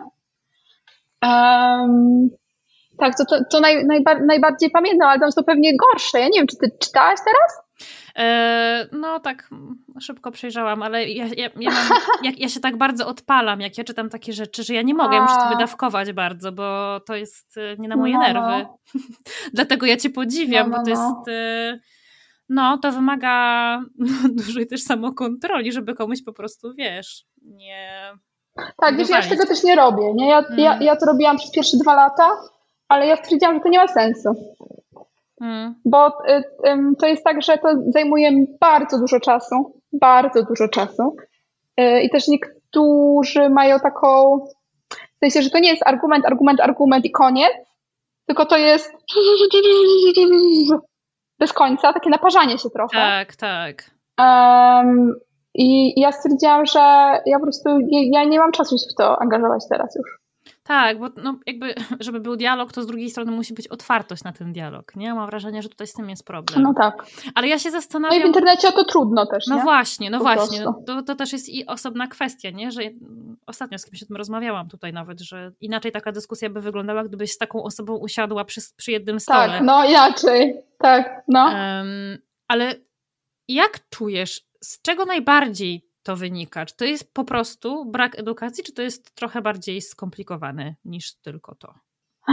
Wiesz co, um, ja bym nie powiedziała brak edukacji. Ja bym powiedziała właśnie ta edukacja, którą mamy, jest tutaj dużym punktem zapalnicznym. Mhm. Nie? Czyli um, no nie wiem, to w jaki sposób y, jest przedstawiana historia w szkole, to czego my się tam uczymy, to jaką dużą wartość odgrywa jednak Polska jako kraj. Tak. Nie? I w jaki sposób jest budowana tożsamość młodych osób na tym, że my jesteśmy Polakami, dlatego jesteśmy fajni i też trochę wyjątkowi. Nie? I no, bardzo jest dużo narracji yy, na historii, ale też yy, bardzo mocno na języku polskim. O cierpieniu naszym, o naszych przodków, tak. o, przez to, że i takie założenie, że to, że oni cierpiali, to my jesteśmy jakoś szlachetniejsi, nie? E, pojawia się duży, dużo rywalizacji um, cierpień. Um, I naprawdę można mieć takie poczucie, że Polska to jest taki kraj, który się naprawdę najbardziej wycierpiał na całym świecie, nie? Było kiedyś takie badanie, ono było w raporcie uprzedzenia w Polsce z 2015 roku, um, gdzie były, osoby były pytane, czy coś w stylu, czy istnieje jakiś kraj, który się bardziej wycierpiał niż Polska, nie? I tam są jakoś, jakieś straszne, straszne dane, nie? Na zasadzie, że naprawdę połowa osób mówi, że nie no, Polska jest tym, która najbardziej się wycierpiała, nie? I ja sobie myślę, ale to jednak przerażające, że nasz system edukacji uczy osoby myśleć w taki sposób. Przecież jest tyle krajów na świecie, nie tyle wojen, tyle zła, tyle cierpienia, tyle naprawdę, naprawdę horrendalnych rzeczy, które się wydarzyły, mm. ale to tutaj miałaby być ta koncentracja całe jakby, że naj, najwięcej, najbardziej. Tak, tak. Nie? Już samo to, że w Europie, nie? E... Tak. A no potem, tak, a, potem, no tak. a potem w ogóle, że, że, że u nas w naszym własnym ogródku.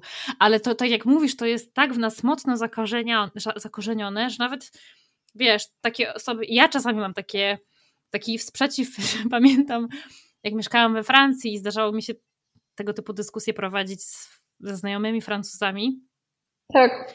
E, to budził się we mnie taki sprzeciw wobec tego, jak oni mówili, jak to Francja ucierpiała w II wojnie światowej. Myślę sobie, co wy wiecie? Co wy wiecie o cierpieniu w II wojnie światowej? Polska to się wycierpiała. Ale to jest takie automatyczne, po prostu wiesz, tak jakbym ja to wyssała z mlekiem matki. To wcale nie, nie, nie jest jakoś, nie było jakieś moje logiczne przemyślenie um, na podstawie e, e, fa faktycznych danych, tylko po prostu jakieś takie uczucia wzbudzane w nas od najmłodszych lat. No tak, no tak, to jest taka, wiesz, no, yy, ucieleśnione doświadczenie edukacji, nie? Wtedy. Tak. Widzisz po prostu, co ta edukacja może z tobą zrobić. po prostu takie automatyczne uczucia i emocje, które powodują, że no właśnie, bronisz tego kraju też, nie? Mm. Także rozumiem, rozumiem tę Twoją fascynację tematem, bo ona jest jednak, zwłaszcza właśnie u, nas, jest, no, jest dosyć istotną kwestią, zwłaszcza jak się patrzy na to, co się dzieje. E, bardzo istotną, latach. bardzo istotną. No, a dla, dla wielu osób to jest też po prostu ważny temat. Nie, ja tak trochę na przestrzeni lat trochę mniej radykalnie teraz do tego podchodzę i zastanawiam się, nie, jak można łączyć te dwie jakości, nie?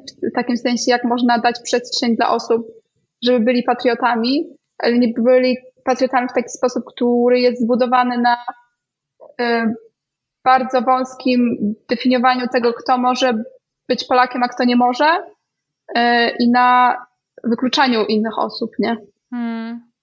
Tak, to jest też bardzo ciekawe, bo ta nasza definicja polskości i właśnie tak jak ty mówisz, tego kto może być Polakiem, a kto nie może, jest bardzo mhm. wąska. Chociaż powiem ci, że dosłownie wczoraj um, prowadziłam tego typu rozmowę z moją fryzjerką, która jest mhm. z Danii, e, mhm. mieszka tutaj od kilku lat i, i jedną z pierwszych rzeczy, które mi powiedziała, jak usłyszała, że jestem Polką, to, że tylu Polaków w Danii mieszka. Nie?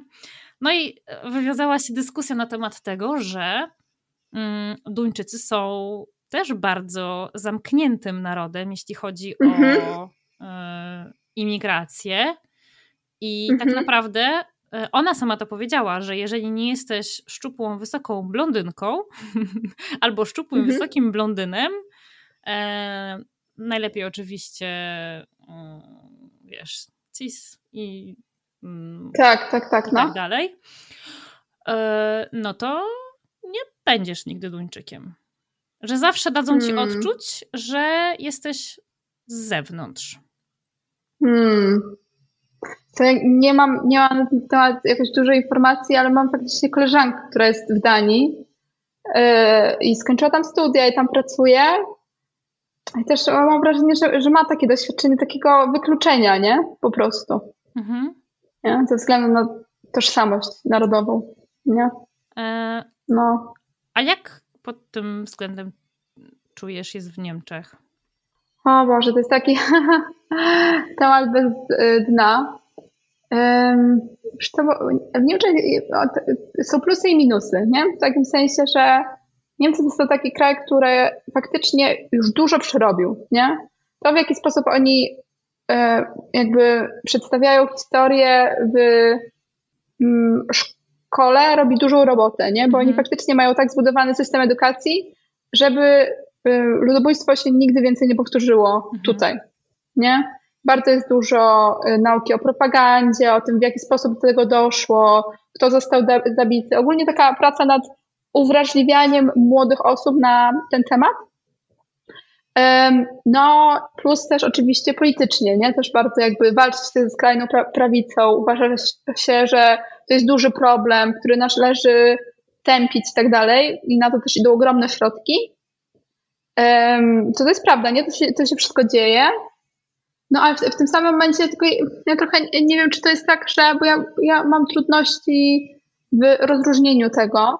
Jeśli chodzi o mnie jako osobę, to ja nie wiem, czy to jest doświadczenie dyskryminacji, czy po, po prostu doświadczenie emigracji jest tak trudne, mhm. że ja nie wyobrażam sobie życia tutaj. O. Tak na dłuższą metę, nie? W sensie, okej, okay, teraz studia, pracuję też, to jest spoko, ale to jest spoko, bo ja wiem, że to ma datę ważności, ja, że mhm. ja sobie zaraz wrócę do Polski i tam będę kontynuować swoje życie. Na pewno nie chcę tutaj jakby zapuszczać korzeni, starzeć się to już w ogóle, mhm. e, bo to jest po prostu taka codzienność tutaj jest dla mnie cięższa niż jest w Polsce. E, no ja, ja nie wiem, ja nie poukładałam się z tym, czy to jest doświadczenie dyskryminacji, mhm. bo ja faktycznie jestem w takim otoczeniu, które jest bardzo super, nie? Czy to jest doświadczenie ciężkości po prostu emigracji, który jest trudne, bo to jest jakby inny kontekst kulturowy. Tak. Ja tyle lat przesiedziałam już w Niemczech, ale ciągle coś nowego poznaję. Niemcy są zupełnie inne od Polaków. To mnie tak wkurza czasami. Czemu nie może być wszędzie tak samo? E, wiesz, czasami, jakieś, brakuje mi jakichś takich też, nie wiem, nawiązań popkultury. Tutaj nie ma tak, że że oni mają tam parę takich sławnych osób, którzy, których wszyscy, wszyscy znają. Nie, jak jest w Polsce, mam wrażenie. Tylko jest, yy, bardzo zależy od generacji, do której należysz, co znasz, od miejsca, w którym się wychowałaś, że to jest bardzo takie lokalne też, nie? no, yy, przez to ja się czuję taka wykorzeniona ciągle. Mam wrażenie, że tutaj tak trudno, wiesz, tak kulturowo zapuścić korzenie, mhm. bo tych rzeczy jest tyle, nie? Jest taka mnogość yy, tego, a ja jestem przyzwyczajona kulturowo do tego, że wszyscy śmiejemy się z jednego mema przez dwa tygodnie.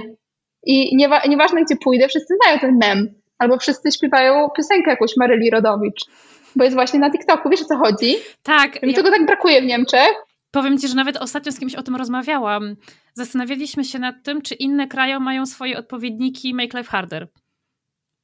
Bo to, A, no właśnie. Bo to jest takie bardzo nasze, że yy, nie wiem ile mają obserwujących, chyba coś koło miliona, że wiesz, że tyle osób tak. śmieszą te same rzeczy i że mamy takie swoje inside tak. joke'i, które są takie bardzo nasze. Tak. Że tak. ja na przykład nie mam takiej wiedzy, która by mi pozwalała stwierdzić, że Anglicy mają coś takiego. To jest zupełnie inny poziom, zupełnie A. inna. To, to jest coś komple kompletnie innego. Mhm. No, a wiesz, że ja się stało, tak, to jest bardzo ciekawa obserwacja i totalnie się zgadzam. Um, mam osobę koleżeńską z Niemiec, z którą szukałam e, mema, który byłby ogólno-niemiecki i naszym kryterium byłoby to, że i ja go znam i, i moja, y, ona kogo zna też, nie? Mhm. I znalazłyśmy jeden. jeden. No, to jest ciekawe. Bo ja mam trochę wrażenie, że wiesz, nas jednoczy wspólny wróg w Polsce. No, ale, ale wiesz co, przed, przed, przed, przed, pisem też tak było, że my się z tych samych rzeczy, mam wrażenie, śmialiśmy. To prawda, to prawda. No poza tym, wiesz, mamy dosyć... E, no, Polska jest takim memicznym, mem memogennym krajem. Mem, mem, memogennym, no to prawda, to prawda. No. Nasz prezydent jest bardzo memiczny, on nawet nic nie musi mówić, on wystarczy, że, wystarczy, że, tak, że no. jest. No, my też się lubimy pośmiać. Tak. Tak, to się tak. wszystko składa. Ale... E, ale jak to jest w takim razie z tą kwestią dyskryminacji w Niemczech? Bo mówisz, że nie jesteś w stanie powiedzieć, z czego, z czego to twoje wykorzenienie wynika. To jak to tam jest? Wiesz, to e, no właśnie, z, czego, z, czego, z czego to wynika? Wiesz, to jest tak, że ja jestem też, um, bardzo nie chcę powiedzieć, że jestem wrażliwa, ale ja też nie, no nie wiem, to, to jest mnóstwo różnych sytuacji, nie? W sensie, że osoby nie umieją mojego imienia wypowiedzieć, ja muszę poprawiać, mhm. nie? Że jak ja zaczynam mówić, bo ja mówię z akcentem, e, że ja, to jest takie uczucie, które jest zinternalizowane, bo ja teraz faktycznie nie mam takiej sytuacji, ale kiedyś miałam ich dużo, że mam poczucie, że muszę powiedzieć skąd jestem, nie? Mhm. I to jest tak, że ja miałam dużo sytuacji, kiedy, teraz nie mam w ogóle takich sytuacji, ale kiedyś miałam dużo takich sytuacji, że na przykład coś mówiłam, osoba mi przerywała, nie? Skąd, skąd ty jesteś, że ty masz taki akcent, nie? Mhm. E, ja mam teraz takie, wiesz, uczucie w sobie, że ja po prostu mam obowiązek powiedzenia komuś na początku naszej rozmowy, jak się poznajemy, że ja jestem z Polski, nie? Tak by the way. No więc to są takie małe rzeczy, które mnie yy, no jakoś, nie wiem, pogarszają mój, wiesz, życie moje codzienne, że mam takie interakcje z ludźmi. Rozumiem to. Mhm. Rozumiem to. Ja ci powiem, że ja doświadczyłam tego mieszkając we Francji. Hmm. Nie wiem, jak jest w Anglii poza Londynem, no bo nigdy nie mieszkałam mhm. w żadnym innym mieście, a jednak Londyn jest bardzo specyficzny, bo to jest naprawdę, y, no myślę, że na skalę europejską, jeżeli nie światową. Ale we Francji miałam dokładnie tak samo. To znaczy, miałam takie poczucie, że muszę się cały czas tłumaczyć, prawie, że, mhm. prawie usprawiedliwiać. Tutaj mieszkam 10 lat i nigdy nie, nikt nie zadał mi pytania, skąd jestem, bo mam jakiś taki A, ciekawe. Ani razu. Ciekawe. Um, natomiast we Francji to, to, było, to było nagminne. Przy każdym mm. poznaniu nowej osoby, zada- mm. pierwsze pytanie, jakie słyszałam, to było skąd jestem. Mm. No, to potrafi wybić, nie? Tak, i to, to jest po prostu, to daje ci takie poczucie takiego wykluczenia. Mm. Bo no czujesz, tak, nie że... jesteś stąd. Tak, nie jesteś, nie jesteś nasza. Mm. Nie jesteś nasza, bo brzmisz jakoś inaczej. To z, mm. kim ty w ogóle jesteś, co ty tu robisz, nie? No tak, to też stawia ciebie w taką pozycję tłumaczenia się, nie? Mm. Czasami też y, to jakby z tego przeradza się w taka opowiadanie historii na temat emigracji, która też nie zawsze jest prosta. Tak. Um, no, nawet, no właśnie, bo to jest ciężko, w sensie, no właśnie, bo to jest tak.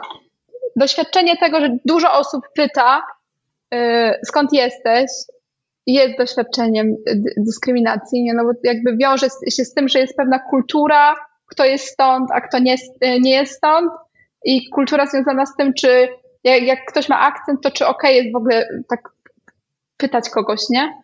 E, nagle. No ale w tym samym momencie właśnie te sytuacje, one są dla mnie takim ciężarem, który wiąże się po prostu z emigracją. Mhm. Nie? Hmm. No, coś w tym jest. Ja sobie teraz, teraz tak sobie pomyślałam o tym, że to może być podwójnie trudne dla osób um, neurotypowych, no bo my się często czujemy inni, inne, wykluczeni, wykluczone, mm. wiesz, od najmłodszych lat, nie? Bo czujemy, że mm. odstajemy, że coś jest z nami nie tak. Cały czas to sobie powtarzamy, albo cały czas mm. nam to powtarzają. Um, więc y, ja myślę sobie, że doświadczenie emigracji może być mm, trudniejsze dla nas, albo łatwiejsze z drugiej strony. Ja, ja, ja, mogę się podzielić moim doświadczeniem w związku z tym, że mam wrażenie, że y, to, że mam ADHD wpływa na to, że go, gorzej mi się zmienia języki. W sensie, że zmiana języka jest dla mnie ja po prostu czuję tą ciężkość, nie? Że po prostu, że muszę teraz w innym języku mówić, nie? I mhm. nie mam takiej łatwości, w sensie jak mam w jeden dzień mówić paroma językami, to to mi to sprawia dużą trudność, mi się zaczynają to mylić mhm. w głowie, nie? Mhm, mhm. Że już wolę, jak już mówię po niemiecku, to żeby cały dzień był po niemiecku. Okej, okay, to ciekawe. Ja tego na przykład nie mam, ale teraz, teraz się zastanawiam, czy to wynika z tego, że ja po prostu od początku musiałam tymi językami żonglować, mm. że może to mi ułatwiło sprawę. Ja wiesz, mój mąż jest Francuzem, w domu mówimy tylko i wyłącznie po francusku. Aha. Praca jest po angielsku, no tak. cała reszta jest po polsku mm-hmm. i po angielsku. I ja od, od początku musiałam tak się przełączyć bardzo szybko między jednym, drugim i trzecim językiem i yy, jakoś wielkie trudności to nie sprawia, ale zdarzają mi się jakieś dziwne przypadki, że na przykład w środku mm. zdania po francusku rzucam jakieś polskie słowo. Na szczęście mój mąż już dużo rozumie, więc nie ma z tym jakiegoś większego problemu. Ale to może być utrudnienie, tak sobie myślę, dla naszych um, adechadowych mózgów, tak w ogóle. To są funkcje wykonawcze, nie? Tak, tak, tak, tak. Ja też często widziałam pytania na tej naszej grupie facebookowej dla e, dorosłych z ADHD o to, jak się tego języka obcego w ogóle nauczyć, bo ludzie z tym mają już problem.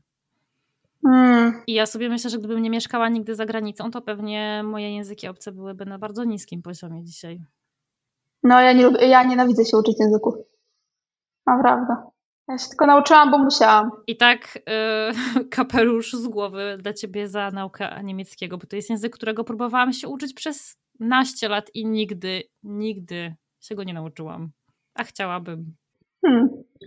On, on nawet ja bym nie określiła go jako trudny, ale po prostu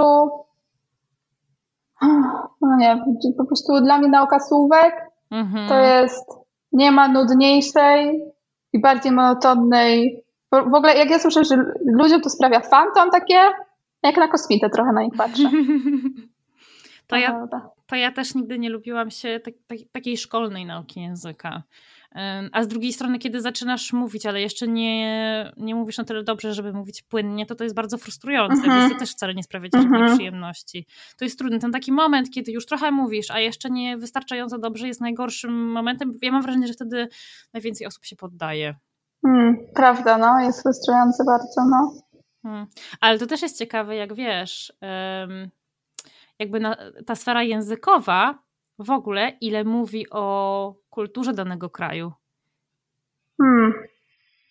W sensie, czy to takie jest ok, zapytać kogoś skąd jest, jak ma akcent, czy, czy co masz na myśli? To też, ale tak sobie teraz myślę o tym, jak bardzo niektóre języki potrafią być inkluzywne, a inne a. zupełnie mhm. nie. Hmm. Mm, bo myślę sobie, ja mam wrażenie, że język polski pod tym, pod tym kątem przeszedł ogromne zmiany mhm. przez ostatnie. Ja nie wiem, mam wrażenie, że jakoś tak to. To jest kwestia, tak jak mówisz o tych, o tych wszystkich zmianach w ogóle. Mam wrażenie, że to jest kwestia ostatnich może dwóch lat. Mhm. Mm, natomiast e, pytałam ostatnio mojego męża o to, jakie są formy neutralne w języku francuskim i szukaliśmy mhm. i trochę nam zajęło to, żeby znaleźć odpowiedzi na to. Hmm. Mam wrażenie, że to jest trochę mniej powszechne. Może mniej używane. Hmm. Jak jest pod tym kątem w Niemczech? Ciekawa teza. No, no w, Nie w, Nie w, Niemczech jest o tyle łatwiej, że to nie jest zgenderowany no tak. y język w taki sposób, jaki jest polski. Y więc tam są, są opcje neutralne też, ale najczęściej na przykład osoby, które używają mm, neutralnych form, używają po prostu swojego imienia. Mm. Bo język niemiecki jest zbudowany w taki sposób, że nie trzeba w ogóle zaimków używać w zdaniu, um, tylko możesz użyć imienia i to już wszystko będzie miało sens wtedy, nie? Mhm. E, I to jest bardzo popularna opcja. Ja bardzo dużo osób znam, które nie używają żadnych zaimków, tylko używają swojego imienia. Mm. Tak, no. I też jakby już była już od dawna. W sensie y, ja zaczynałam w edukacji astronomiacyjnej wtedy w 2014 roku, to to już była taka, taka opcja, która była bardzo często y, stosowana. Teraz bym powiedziała jeszcze częściej, chociaż ja, ja też jestem na pewno zbajasowana, no tak. bo studiuję gender studies i pracuję w queerowym obszarze mhm. y, z queerowymi osobami, więc y, po prostu no, dlatego też pewnie mam bias, nie? Mhm. E, Ania, a znasz jakieś czy są? Na pewno są. A znasz jakieś badania, które pokazują e, stopień korelacji między queerowością a neuroróżnorodnością? Bo tam jest jakaś zależność chyba, nie? Jest bardzo duża, no. Jest. Wiesz co, ja nie mam badań w głowie, yy, ale faktycznie jest tak, że bardzo dużo osób, w szczególności autystycznych, ale też osób z ADHD, jest osobami LGBT. Mhm. E, I tutaj z tymi końcówkami, czyli też właśnie dużo jest osób aseksualnych, aromantycznych, niebinarnych. W tych to bym powiedziała, że w tych właśnie e, aromantyczność, a, aseksualność, niebinarność i tak dalej, jeszcze te słupki idą bardziej do góry, nie? Że mhm. naprawdę dużo osób e, jest neuroróżnorodnych, ale właśnie spektrum autyzmu i ADHD, nie? Że to są te, te rzeczy, które najczęściej najczęściej się pojawiają. No ale tutaj naprawdę są takie liczby, że nie wiem, połowa osób, mhm. która jest autystyczna, jest osobami LGBT. Mhm. No naprawdę, naprawdę są wysokie liczby. Mhm. To co ty mówisz takim ludziom, którzy no trochę nie rozumieją tych kwestii, i rzucają hasła w stylu o Jezu, teraz to już nic w ogóle nie można powiedzieć, wszyscy są jak takie płetki mhm. śniegu, jakieś, jakieś zaimki, o co im chodzi? Co mówisz? Co mówię? Teraz najczęściej nic i odchodzę. w sensie... Ty edukatorka? No tak, no bo jakby nie ma sensu, nie? W sensie mm. tutaj trochę, trochę, trochę trzeba, ja, ja tak odkryłam to dla siebie, że muszę wiedzieć, które bitwy mogę stoczyć, w sensie jest, opłaca się stoczyć i czy, czy fajnie jest stoczyć, a które nie. Mhm. A ja miałam bardzo dużo doświadczeń tego, że ludzie mnie, lub jak się dowiadywali w ogóle, albo mnie kojarzyli, że ja zajmuję się edukacją antydyskryminacyjną, mieli taką postawę, że lubili mnie prowokować. Aha. Czyli specjalnie mówili najgorsze rzeczy, bo chcieli zobaczyć, jak ja zareaguję. Nie? Mhm. I no, to też jakby widać. I też czasami osoby mówią, no specjalnie to powiedziałam, bo ja jestem po prostu ciekawa, jak ty zareagujesz na takie coś. Mhm. Um, a ja po prostu już taką dynamikę nie wchodzę. Nie? W sensie ja chętnie porozmawiam, ale jak jest sens rozmawiać, nie? Jak ktoś y, naprawdę chce się czegoś dowiedzieć, a nie jak po prostu ma taką postawę, to ja tutaj wrzucę parę bomb i zobaczę, co Ania z tymi bombami zrobi. To tak mhm. na pewno, nie? A czujesz, że jest, jest jeszcze szansa dla Polski, że jeszcze będzie można w tym kraju spokojnie żyć, będąc jakąkolwiek mniejszością? Oczywiście, że jest. Ja mam mega dużo nadziei, po prostu mega dużo y, takich też dobrych myśli związanych z Polską, nie? Ten kraj się bardzo dynamicznie zmienia. E, żyje w nim mega dużo cudownych osób, które działają na wielu różnych obszarach.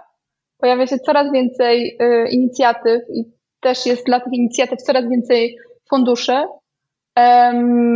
Pojawia się też coraz więcej takich rozwiązań, które są jakieś no właśnie, specyficzne dla naszego kontekstu, nie? których na przykład w Niemczech nie ma, mhm. ale które się biorą z tego, że no właśnie, nie wiem, z naszej historii, czy z tego, jaki my mamy tutaj y, system instytucji, kultury, dostępu do zasobów y, i pojawiają się rozwiązania czy rzeczy, które są dostosowane pod to, nie? Są po prostu jakąś inspiracją z, z zachodu.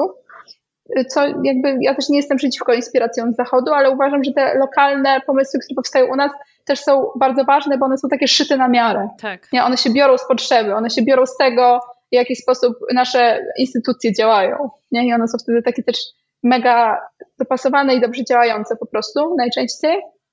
Um, więc y, no ja, ja też kocham Polskę, nie? W sensie ja naprawdę mam tak, że y, moja miłość do tego kraju jest nieskończona. Hmm. Ja, ja się z tym pogodziłam, długo z tym walczyłam, że mam takie y, mocne i głębokie, głębokie uczucia wobec Polski, ale tak jest. Ja czuję się trochę jakbym była w takim duchowym małżeństwie z Polską. Nie? W takim sensie, że ja, ja próbowałam z tego jakoś, jakoś, jakoś wyjść, ale no, przez to, że to jest duchowe, to jakoś trudno. Trudno, trudno, trudno było, a mówię o małżeństwie też ze względu na to, że jest tym aspekt tego, że Polska, czuję, że tak Polska wcale nie jest dla mnie aż taka dobra. Nie? W sensie, że ja tutaj z miłością, a Polska tak nie zawsze z miłością wobec mnie. Nie? Więc to, to, to jest też taki y, element takiego, takiego uwięzienia trochę, nie? Jednak, nie? Odrobinę. Mhm. E, który zauważam, który widzę, że jest, nie? ale u mnie jednak ten taki Mm, to takie też moje bardzo głębokie przywiązanie przeważa. Jednak. Ja jednak mam, ja też nie mam tak, no właśnie nie mam czarnych scenariuszów y, dla Polski, nie? Ja mam wrażenie, że dużo się zmienia, co roku powstają kolejne y, inicjatywy, kolejne osoby zaczynają działać i po prostu z każdym rokiem jest coraz lepiej. E, zmian jest dużo, zmiany są szybkie i ja tutaj naprawdę widzę dużo nadziei. Hmm.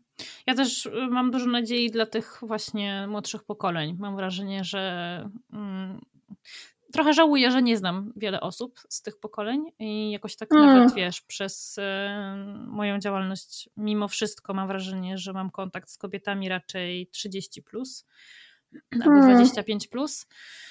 Um, ale tak, mam wrażenie, że tutaj jest, y, tutaj jest nadzieja, nie? W tych młodszych ludziach. Definitywnie, no.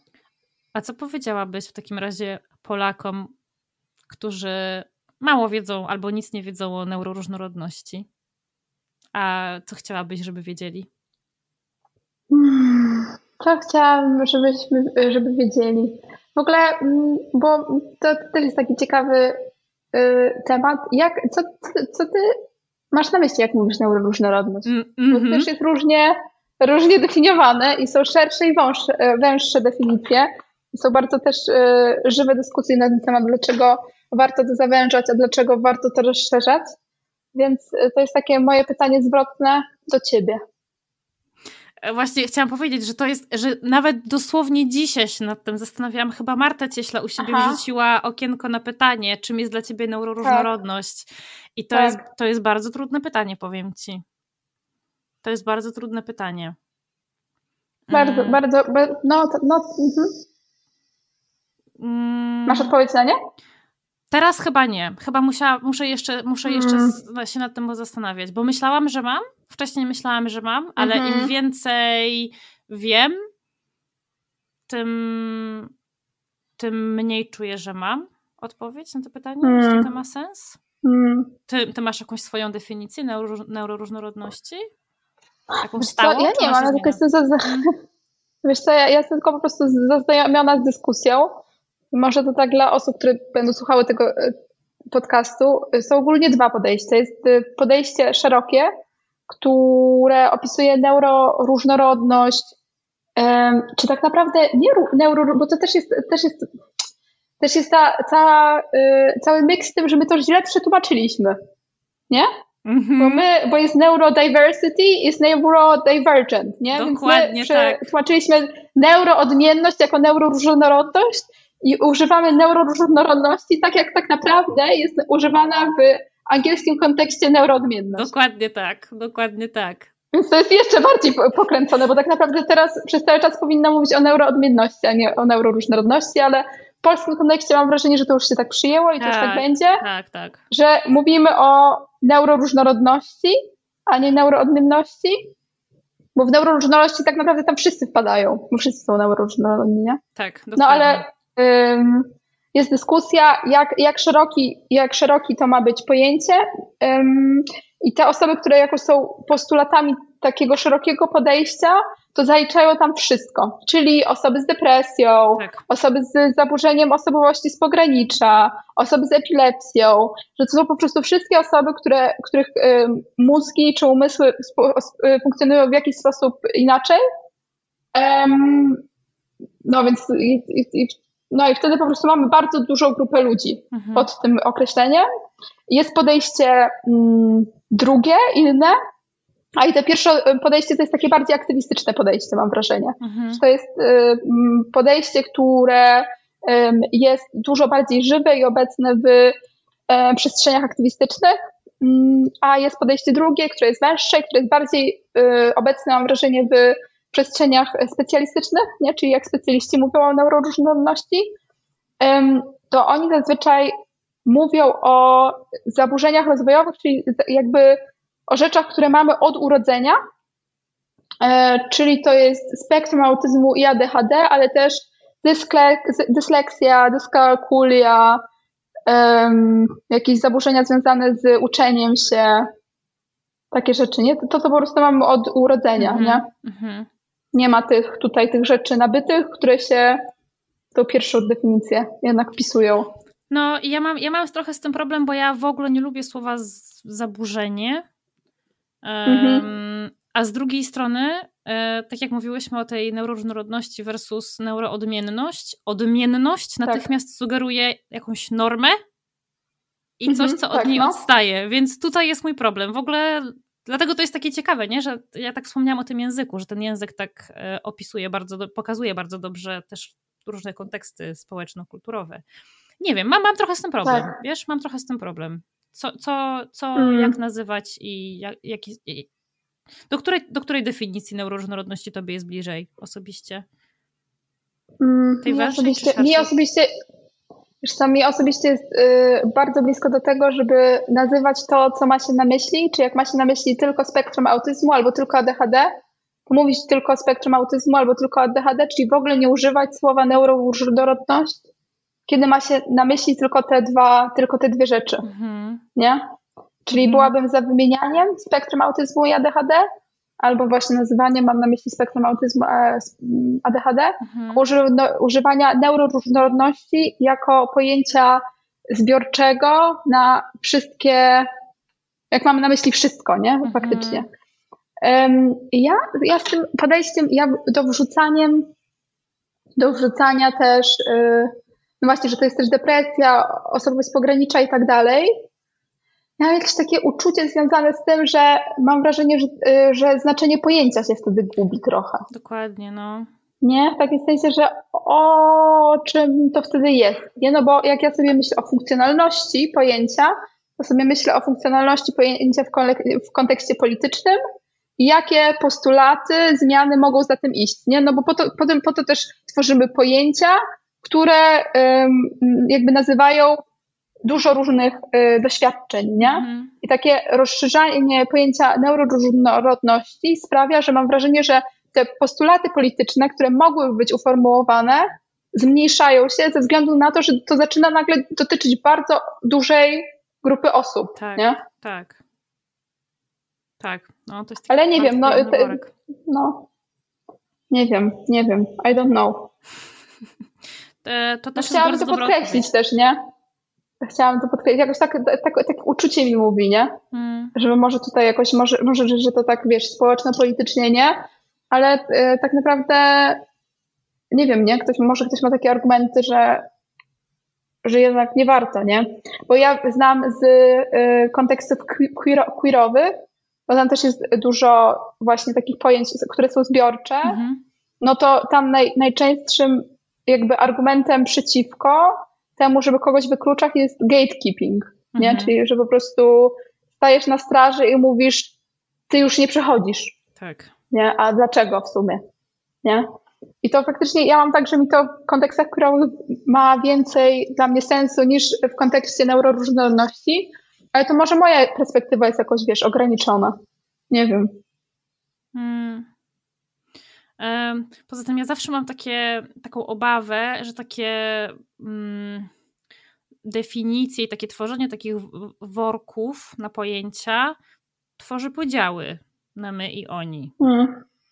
I, I, ja już na przykład zaczęłam widzieć, mm, zaczyna się tworzyć taki, taki podział między dyskusją w kręgach specjalistów, a um, samorzeczniczek, samorzeczników. Już zaczyna się ten podział. Mm. I to w kontekście też tego, o czym mówiłyśmy wcześniej, czyli właśnie, czy autodiagnoza jest ok, czy nie jest ok, nie? Tak. Mm. Więc to są takie niebezpieczeństwa, które gdzieś tam widzę, czyhają mm. nas. Mm, wiesz, to też jest trochę tak, że to jest taka jedna z podstawowych sposobów, w jaki nasz mózg działa. Nie? My po prostu dzielimy ludzi na grupy, my tak. versus oni. Tak. Nie, nie, nie, niezależnie od tego, czy to jest jakaś sztucznie stworzona grupa, czyli wchodzimy do jakiegoś pokoju, w którym jest pięć osób i pięć idzie na to, pięć na, y, jakby dwójka idzie na to i trójka na to i wiesz, i mamy grupę nagle mhm. i my się utożsamiamy z tą grupą, yy, czy to są takie, wiesz, takie grupy, które wpływają na nasze ucieleśnione życie, ży, takie życia codziennego.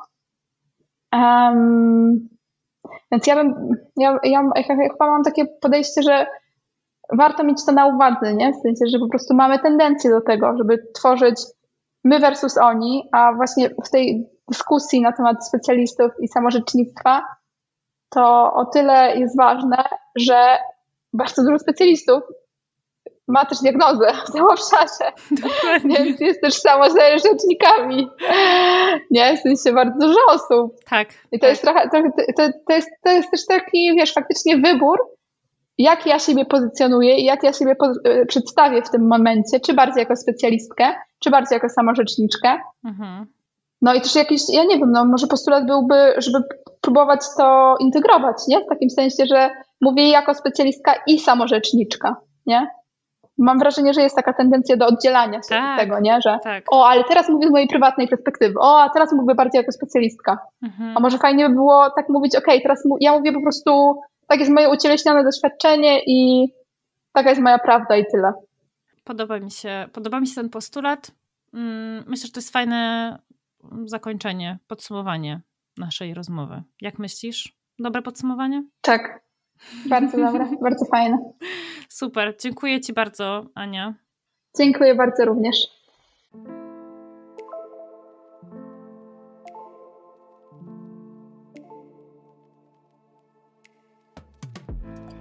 Wielkie dzięki za wysłuchanie tego odcinka. I oczywiście Spotify, YouTube czy TikTok nie powinny być wyznacznikami diagnozy. Ale jeśli to, o czym tutaj rozmawiałyśmy, brzmi dla ciebie podejrzanie znajomo, to mam nadzieję, że zaopiekujesz się sobą i wykonasz pierwszy krok w kierunku pójścia po pomoc, bo każda z nas na to zasługuje. Do usłyszenia w kolejnym odcinku.